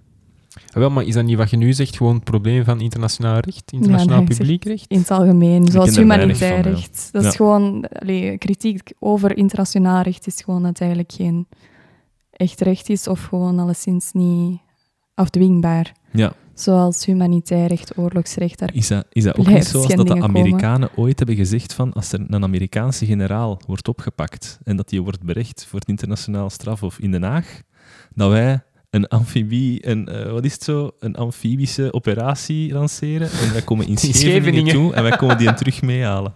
Is dat zoiets niet? Dat wordt toch altijd gezegd tijdens een les internationaal recht, hè, dat die dat niet hebben bekrachtigd Ah, ja, of voilà, zoiets. die hebben dat niet, ja. En dat die, dat die wetten hebben aangenomen en dat die zeggen, als je dat ooit doet, kom hem terughalen. Echt? Ja, sowieso. Sowieso. Ja, maar handhaving, dat blijft, ja. Oké. Oh, wel dat je eigenlijk nu toch met Oekraïne en, en de sancties die daar worden... Dat, is natuurlijk, dat zijn geen juridische sancties in de zin van... Dat staat niet in een wetboek. Als je een land binnenvalt, dan is dat de represaille. Dus het is niet juridisch, maar je ziet nu wel, of misschien ben ik daar ook weer te naïef in, dat ook het feit allee, dat de prijzen keihard binnenstijgen, de energieprijzen, dat is toch ergens... Allee, misschien eh, ben ik te naïef, maar is er er toch ergens een opoffering voor, voor Oekraïne die wij nu, nu ook maken? Dat wij zeggen, oké, we gaan de Russen sanctioneren, we gaan daar geen deals meer van doen, we Mhm. willen uw gas niet meer, et cetera. Of toch, We zullen zien hoeveel winters dat duurt, dat verhaal. Klopt, klopt. Daar geef ik u gelijk in, maar dat we toch een stuk als internationale gemeenschap dat wel kunnen, dat wel Ja, doen. En dat we ons baseren op die claim, zoals bijvoorbeeld in het internationaal recht, gevalt geen soeverein land binnen. ja, voilà. En dat we ons daarachter scharen. Mhm. Dus dat, het een, ja, dat, die, dat die verdragen, wat dat ze ook mogen zijn, dat dat de claim is voor sancties die je gaat opleggen. Dus dat dat wel de kapstok. de is- kapstok is. Dat dat wel krachtdadig kan zijn. Je moet ergens een legitimate claim hebben als je tegen Mhm. iemand politieke druk of oorlog uitvoert. En ze zo is nu aan het kijken. Gelle wordt er juist een hele tijd we dat- en nu is het aan het verdedigen. Dikke Ja, maar wij, zijn, wij, zijn, wij zijn onze gedachten aan het laten percoleren. Hè. Ja, het is Ja. vooral chaos. Het is chaos, hè? Soms niet mee met jullie. Ah, maar je luistert, je luistert niet vaker naar de Nee, maar inderdaad. Nee? Dat ze... Hoeveel? Je hebt één aflevering geluisterd. Ja. Van Bruno? Van Bruno. Ja. Ja. dat was wel een goede aflevering. Over, Maar dat was ook wel- was dat- Ja, Dat was ook wel van Ja. hier naar daar. Hè? ja dat wel. Maar dat is ook omdat er zoveel over te zeggen valt. Ik heb bijvoorbeeld nog een andere vraag. Ehm, het- er wordt vaak gezegd, waarom moeten we... Ja, nee, nu gaan we wat, wat ruimer Ah, gaan. Hè. Er wordt vaak gezegd, waarom moeten we naar de ruimte gaan? Waarom moeten we op Mars een kolonie gaan beginnen? Kunnen we niet eerst beginnen met de problemen op aarde op te lossen? Toogpraat met Steven Verbij. Het is niet België met Steven. Ah, nee, sorry, sorry. Wetenschap. Wij willen weten hoe dat univers, eh, het universum in elkaar zit. Ehm, ja, dat, dat, dat is hetzelfde met archeologie. Hè. Waarom zouden we alles willen opgraven terwijl dat, Ja, niet ik eens vind dat nodig een is? perfect antwoord. Dus, eh, sport? Waarom geven wij zoveel uit aan sport? Ja, maar- nee, maar serieus. Nee, maar serieus. Waarom? Ik was van zin om naar, naar Utrecht te gaan met Magali. Wat blijkt? De Vuelta in Utrecht. Ja, dat ligt niet in Spanje, hè? Allee, hoeveel geld heeft dat niet gekost? En ik ben er niet naartoe gegaan omdat die Vuelta daar bezig was. Remco heet uh, de rode trui. hè. Maar je weet het niet, waarschijnlijk. Je wil het niet weten. Ik heb niet naar Spa-Francorchamps gezien. Ja. Maar dus, ehm, dus sommige mensen zeggen ook, ja, maar ruimtevaart brengt ook heel veel goede dingen mee. Hè, zoals, eh, wat is het, wifi en velcro en, en, en TFL. En Ah, GPS wist je, dat is ook een weetje van... Ik heb trouwens al die weetjes van... Er was een spacebeurs ehm, in de bouwbeurs in Antwerpen. Ah ja. Dus van die bescheiden. Ik heb die allemaal gepikt van hem. Maar dus, hij zegt ook, GPS is echt uitgevonden. Ze hebben Sputnik gelanceerd. En Ja. Sputnik was eigenlijk gewoon... Ja, een, eh, wa- wat is dat? Een transmitter. Dus die hadden twee signalen. Hè, die, die, eh, die gaven signalen, Sputnik, naar de aarde. Dus je kon dat, als je een, recept, een recorder had, eh kon, je, kon dat tracken. Kon je dat horen. Piep, piep, piep. En dus kon je, eh, als je wat driehoeksmeetkunde Ja. kunt, kon de, de, positie van ehm, eh, het, eh, het, het, eh, allee, de satelliet van Sputnik konden, konden bepalen. En dan zijn er blijkbaar echt een dag zelf al twee, twee knappe koppen geweest, Amerikaanse, die, die zeiden, ah, maar we kunnen het eigenlijk misschien ook gewoon vice versa doen. Dus Hm. als we weten waar dat de satelliet zich bevindt en we weten hoe lang dat dat geluid duurt. Allee, ja, ik weet niet hoe dat ze het doen. Maar alleszins, dat ze dan hadden, ah, maar dan kunnen wij ook onze positie bepalen op aarde. Ah ja. Dus dat dat echt gewoon op die moment bedacht is. Ja. eh, op, de, op de moment eigenlijk zelf, dat dat echt één op één was. Oh, dat is een goed wezen. ze- dat ze hebben bedacht. Ja. Wat ik daar eigenlijk over wou zeggen, maar het is een heel interessant weetje, wat ik er eigenlijk over wou zeggen, dat is, er wordt vaak gezegd, ja, maar die dingen geven toch, hè, dat zou het al eigenlijk moeten zijn waarvoor dat we het doen. Maar ik denk, ja, maar dat is niet de reden waar- waarom dat je het doet. Dat is een Mhm. gevolg van het feit dat je iets wilt gaan doen. Je voert geen oorlog omdat je betere technologieën wilt ontwikkelen. Dat is gewoon collateral. Allee, dat is Mhm. gewoon een positief gevolg van het feit dat je gedwongen wordt om een oorlog te doen.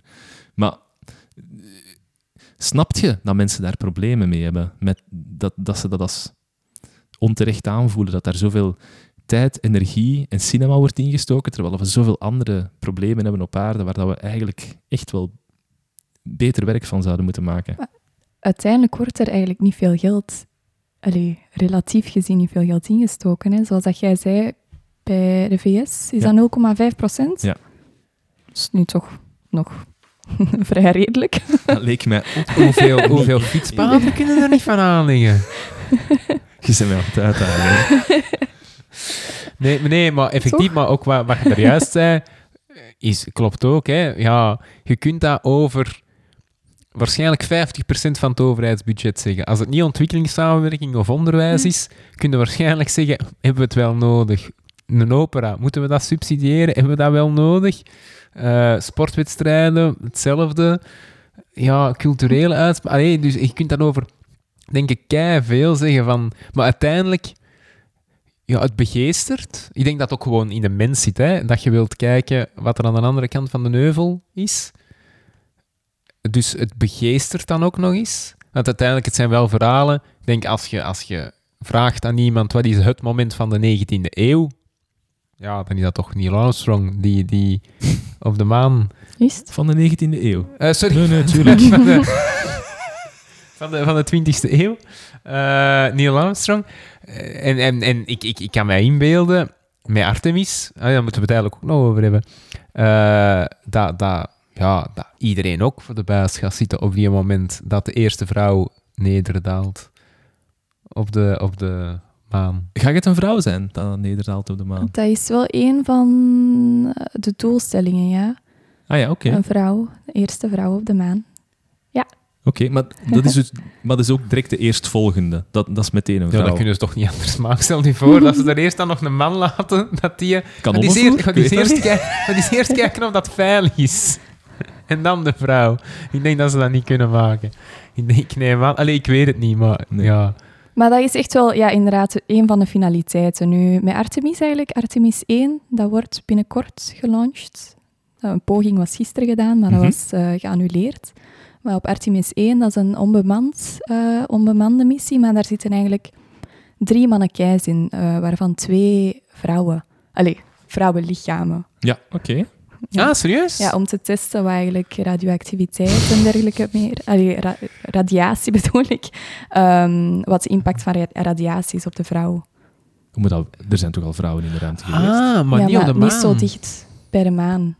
En dus dichter bij... Allee, ja, Ah. dieper in het universum. maar- Ah ja, dat is natuurlijk verder dan Ja. van low orbit. Ja, ja, uiteraard. inderdaad. Ah, Ah. en, en, en bij de, bij de Neil... Doe maar, doe maar, vriend. Eerst een mannekij sturen, het zal wel.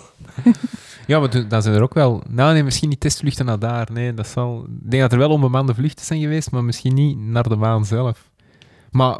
Want die mannekijns, die, die, die gaan toch niet ne- neerdalen op, op het maanoppervlak? Nee, nee, dat niet. Nee, Ah, nee. Artemis 1 is echt gewoon... Ik denk twee rondjes rond de maan en dan... Ja, en het is dus echt gewoon de radiatie doorheen ook het, het schild allee, Ja, de- ja. van op, op, op vrouwen. Ja, kan, dat, kan dat zo verschillend zijn? Zijn vrouwen zo verschillend dan, dan mannen? Dat kan wel een... Ja, dat is dus waar dat de hele weten- de medische wetenschap al zoveel jaar niet Ja, gefaald juist, heeft. ja, Hè? ja. Door te denken dat een hartaanval bij een man hetzelfde Ja, is een hartaanval Ja, bij een oké, vrouw. klopt. Maar Ja. dat is dus ook het nut hè, van, van ruimtevaart, om, om eigenlijk te zien wat, allee, welke impact bepaalde factoren zijn in het universum of op de, op, op de aarde, op, op uw menselijk lichaam. En, Eh, ja, Ja. zoals? Eh wat kun, je er, kun er een van zeggen? bijvoorbeeld, ik bedoel de ruimteloosheid, eh, sorry, ehm, zwaartekracht.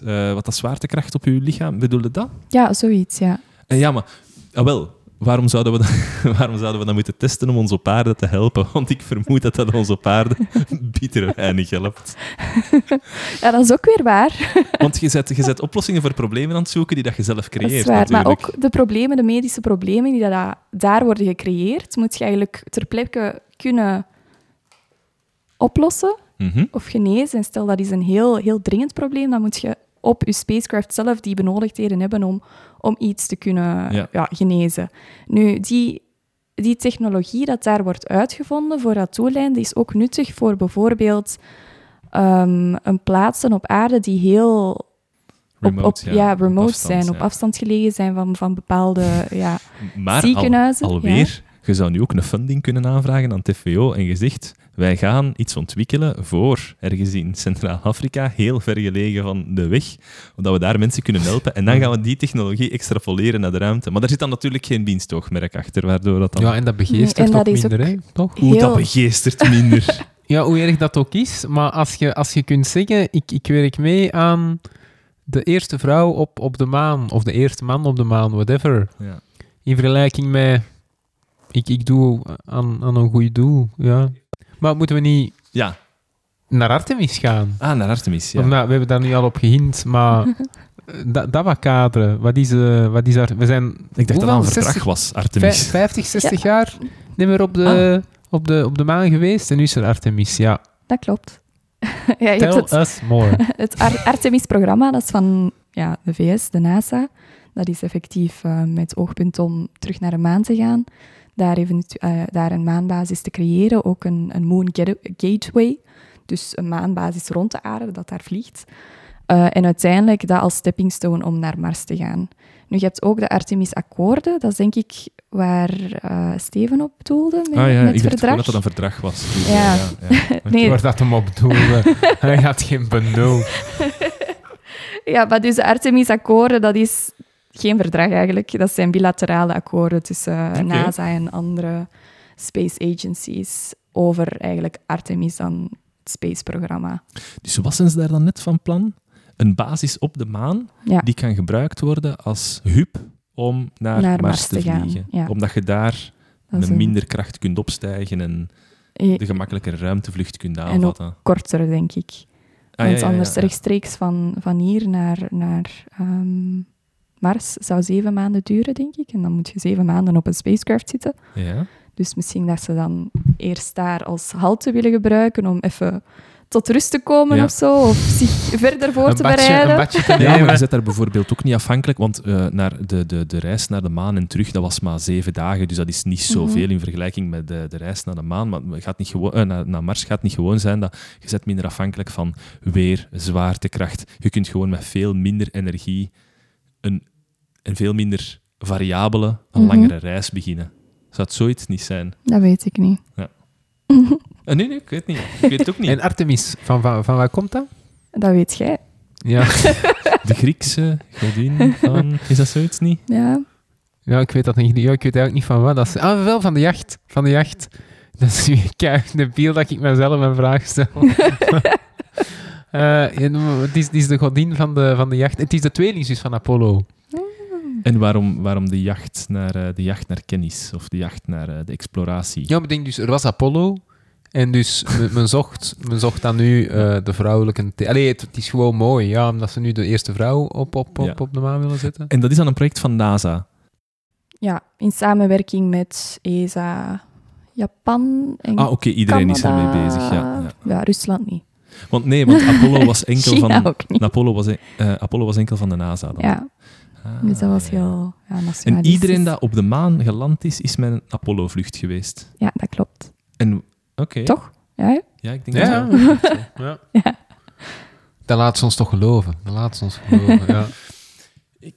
Ik heb nog een, nog een andere meta- meta-vraag. Ehm, we zijn terug bezig met die ruimte-exploratie nieuw leven in te blazen. Dat gaat Mhm. met ongelooflijk veel risico's gepaard. Maar we proberen dat te counteren door heel veel testvluchten te doen, alvorens dat we er mensen insteken.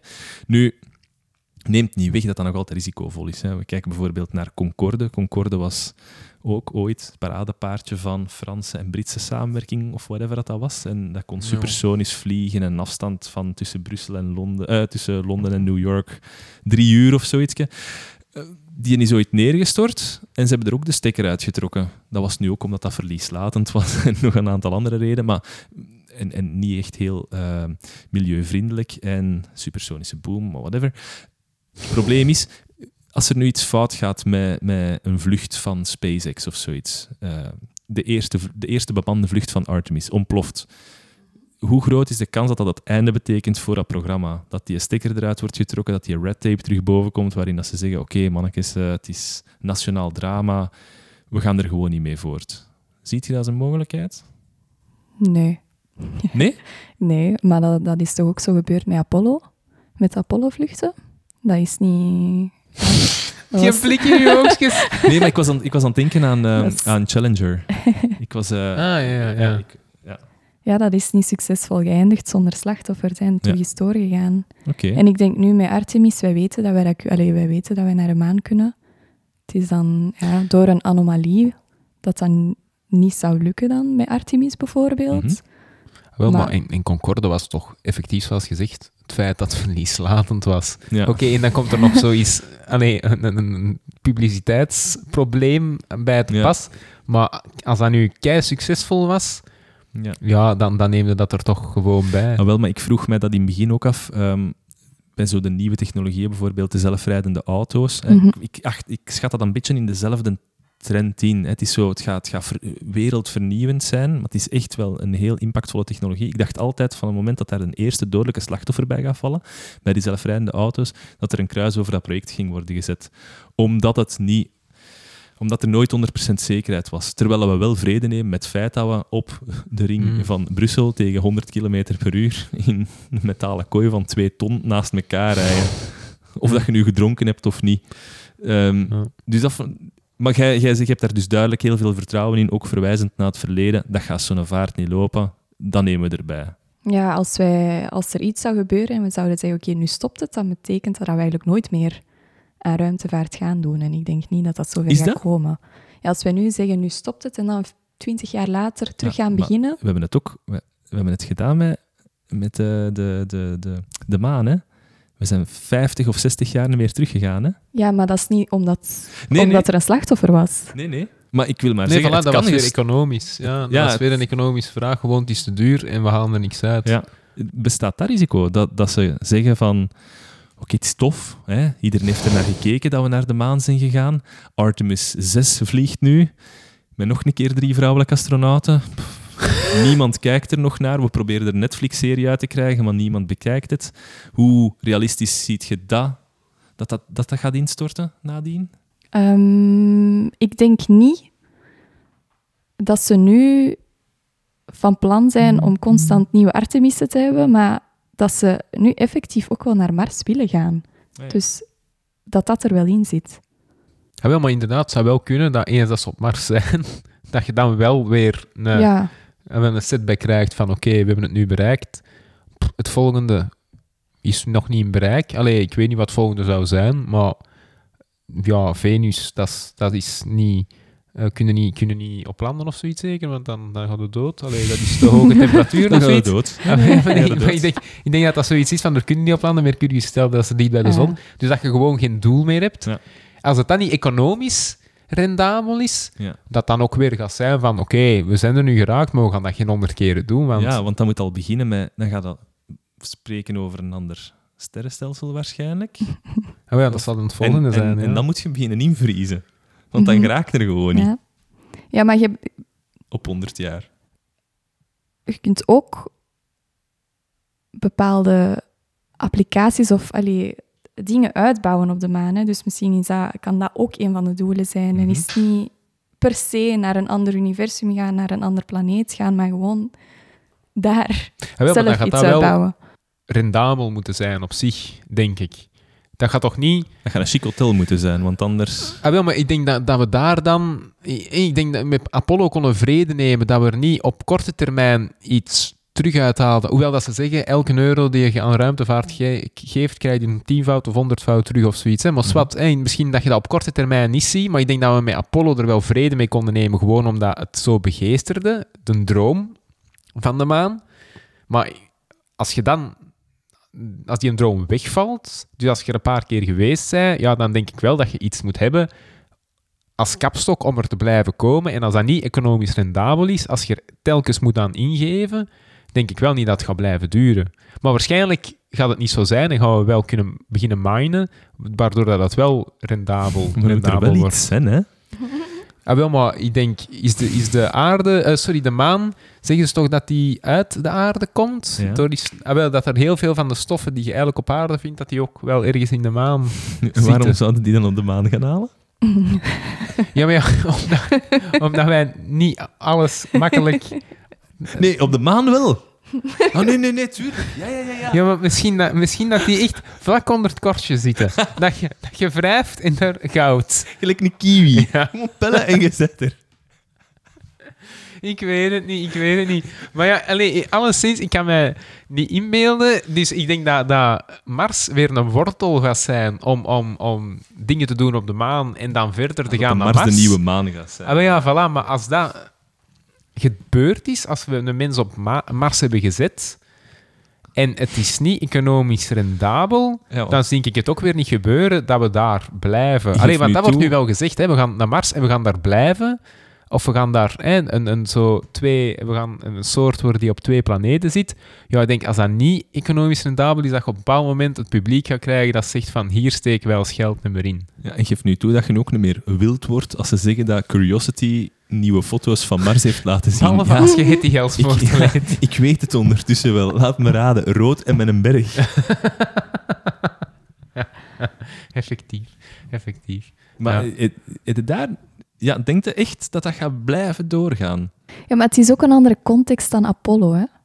Allee, Ja. want volgens mij doelt je daar ook op dat Apollo is gebeurd, dat er dan 50 jaar niks was en dat dat nu hetzelfde gaat zijn. Ja, ja, maar ja. Apollo ja. was een totaal andere context. Dat was het, ja, in de Koude Oorlog. Dat Mhm. was gewoon om, om de VS zijn leiderschap te laten tonen en dat was hun doel op zich. Ja. Maar dat is nu niet compleet het geval. Ja. En daar zit nog steeds, alleen met, met Artemis, denk ik wel dat er wel een wetenschappelijk doel achter zit en een lange termijn doel. Ja, maar ik ben zit. dus nog altijd niet overtuigd. Ook niet als ik Elon Musk hoor spreken. Ah, we must be an inter... Wat is het? Ja, voilà. Ja, Interstellar species. Ik ben, er, ik ben er nog niet van overtuigd. Want hij zegt, we moeten een andere planeet gaan, Mhm. gaan be- bewoonbaar maken voor onze soort. Ik ben er niet van... Is dat echt uw doel? Begint eerst... Allee, we zijn... Mhm. De, de bevolking gaat krimpen. Hè. Binnen, binnen 50 jaar gaat dat terug naar beneden gaan. Toegeven, dan zitten we wel met 11 miljard of zoiets, dus veel te veel. Maar ik ben... En, en wetenschappelijk onderzoek, hoeveel wetenschappelijk onderzoek moet het doen in de ruimte? Kun je dat niet gewoon hier doen in het UZ? Nee. Nee?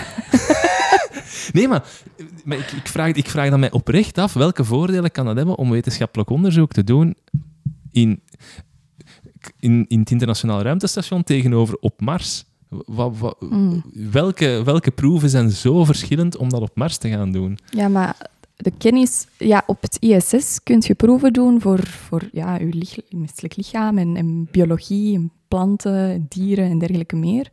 Maar op Mars is het, denk ik, eerder ook om kennis te vergaren gewoon over het universum zelf. Hè? Over Allee, hoe, dat je, hoe dat je opnieuw een beschaving begint? Nee. Of hoe dat je een planeet nee, gewoon het, terraformt, het, het, De voorgaande stap nog van hoe ziet het zonder echt doel? Kennis om de kennis. ja, kennis om de kennis. Ah ja. Zou dat niet zijn? Of ben ik daar weer naïef in? Nee, maar ik vraag mij af, ik vraag ja, dat gewoon af, waarom moeten daarvoor naar Mars? Kunnen dan niet op de maan of desnoods op aarde doen, die Maar- kennis? Ver... Ja, om, om iets van iets af te weten is toch veel beter om zo dicht mogelijk te Ja, ja, gaan ja, naar, tuurlijk. naar je tuurlijk. object.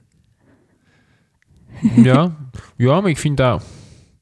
Ik wil er naartoe, hè. Dat, ik wil dat doen, hè. Is? Sowieso, hè. Ja, ja, ja. Nee, nee, ik, ik bedoel, ik, ik wil dat we daar naartoe ik wil gaan. dat er andere mensen Ah, naartoe ah, ja, gaan. dat er oké. andere mensen naartoe gaan.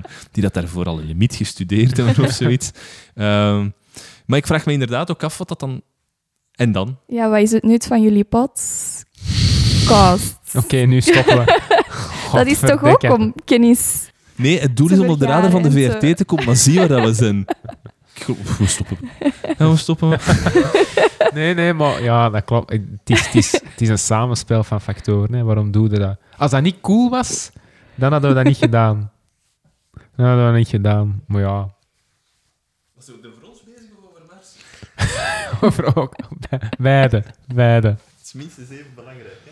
Dat, komt, dat gaat toch wel, als, als dat de, die landing plaatsvindt, je gaat toch voor je tv Zeg, ik, zitten. hè? ik ben er bekend, maar ik wou misschien nog één, één dingetje zie ik hier nu juist oh, ik, ik moet nog een quote zeggen. Maar doe maar, hè. Als Daar je- ga Ik moet nog weetjes zeggen. Beetjes, weetjes. Go. Ah, ja. Ja, ja. Normaal doe je die in het begin, hè? maar dat is voor de... Dat is een rookie. Nee, nee, maar het gaat over Artemis. als ze komt.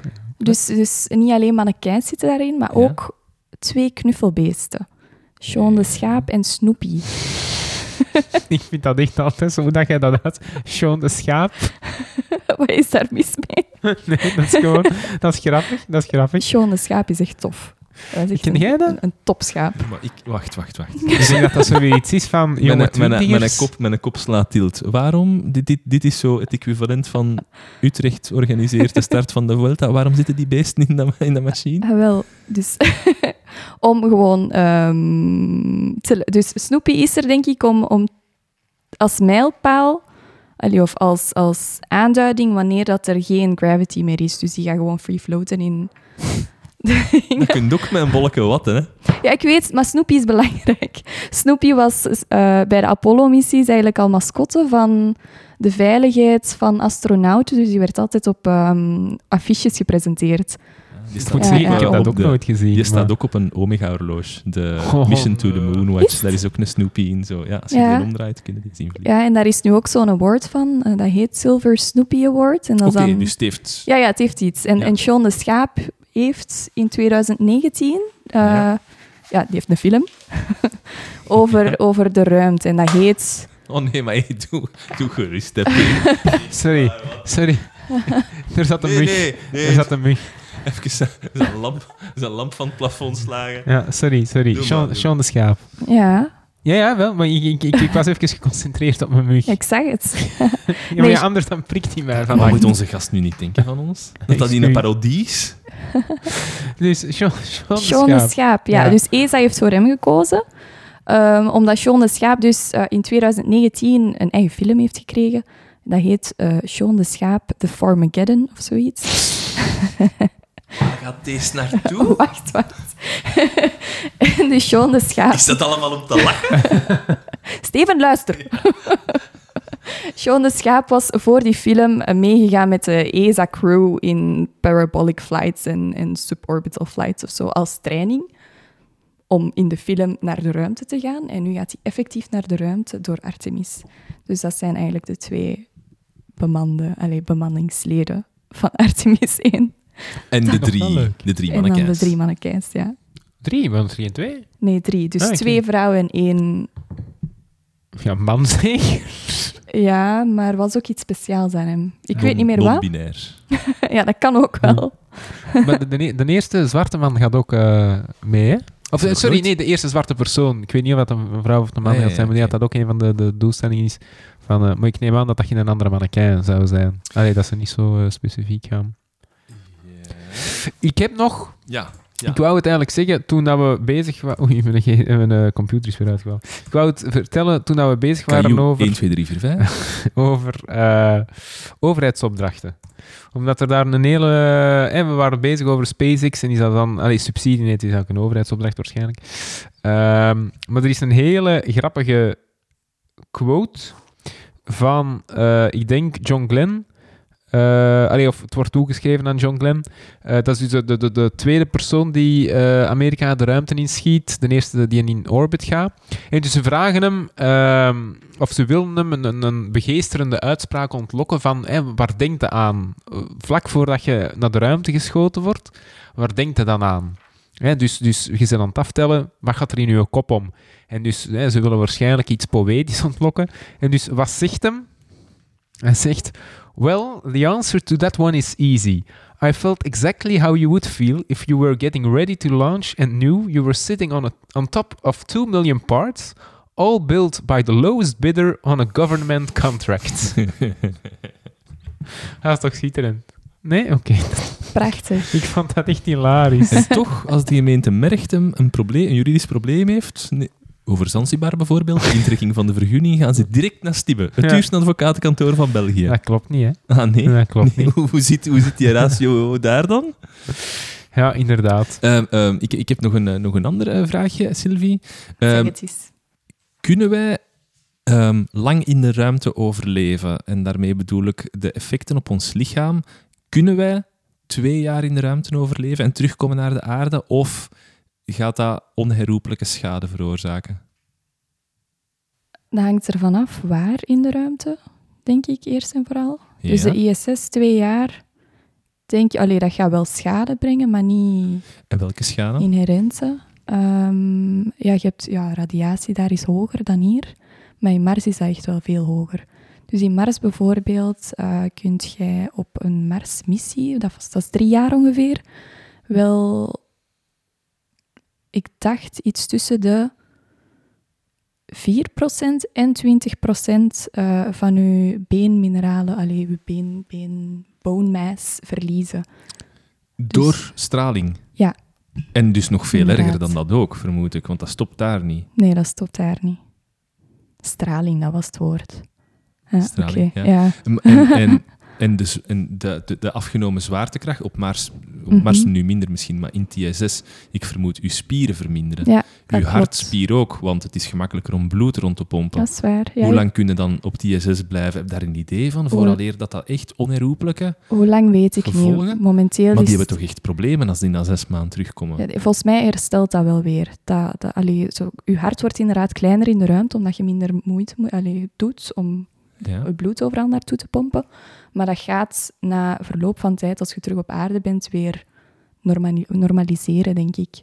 En die straling, daar valt niks tegen te doen. Ook niet met een dikker schild. Dat wel. Ja, je kunt wel een beetje mitigeren, maar ik denk op Mars, dan moet je wel echt al extreem veel schild hebben. Ja, je moet het, je En moet dat is veel equivalent van zwaarder 100 ook, ja. kilometer atmosfeer Ja, kunnen inderdaad. compenseren. Nee. Dus je hebt ook, ik denk dat ze ook aan het contemplaten zijn om misschien, allee, dat, daar is gewoon een discussie over, maar over een genetische screening bijvoorbeeld. Om dus eigenlijk eh, astronauten die naar Mars gaan, eerst genetisch te gaan screenen, om te zien of dat ze niet ehm apt zijn om kanker te, te krijgen. En als Ja. dat zo is, dan, dan ja, moeten wij dat risico eigenlijk Dus de verwijderen. en- levensverwachting gaat echt wel lager zijn op, op Mars. Dat gaat echt zware medische gevolgen mee ons meebrengen. Ja, we weten Dat weten we niet er zeker. Ja, ja. Dus Nee, maar- weten niet wat, de, wat eigenlijk de lange termijn consequenties zijn. Ja, maar als je zegt hoge dosissen van straling, dan... Dat wel, ja. Ja. Eh, en ik zie u ook vaak Engelse terminologie gebruiken. Is dat... Maar dat is waarschijnlijk omdat alles wat dat je hebt geleerd in die cursus in het Engels is. Ja. En dat als je praat over de ruimte, dat je Dan- automatisch overschakelt naar Ja, ja. Engels. Ja, ik had zoiets eens een eh, scriptie, alleen een, een paper moeten schrijven voor, voor Space Studies in Je het Engels. Nederlands gezegd en dan vert- vertaald naar het Engels. Maar ja, nee. Wat blief? Je had gezegd scriptie, ik bedoel een paper. Ja, ja, maar scriptie is zo'n lelijk woord. ja, ja, dat is wel. Dus een paper moeten schrijven in het Engels eh, en ik moest dat mondeling verdedigen voor een prof Ja. die dan Nederlands praatte. Dus hij begon in het Nederlands en ik dacht, nee, nee, nee, prof, kan, kunnen wij alsjeblieft in het Engels praten, want mijn paper is in het Engels. Ja, ja, ja. En hij was echt verschoten. En ik was de eerste student in heel zijn carrière, en hij was wel al wat ouder, dat dat, dat vroeg. Dus ja, Ik kan me dat is raar. Ik kan Ja. me dat echt inbeelden, ja, ja, ja. ja zeker. Ja.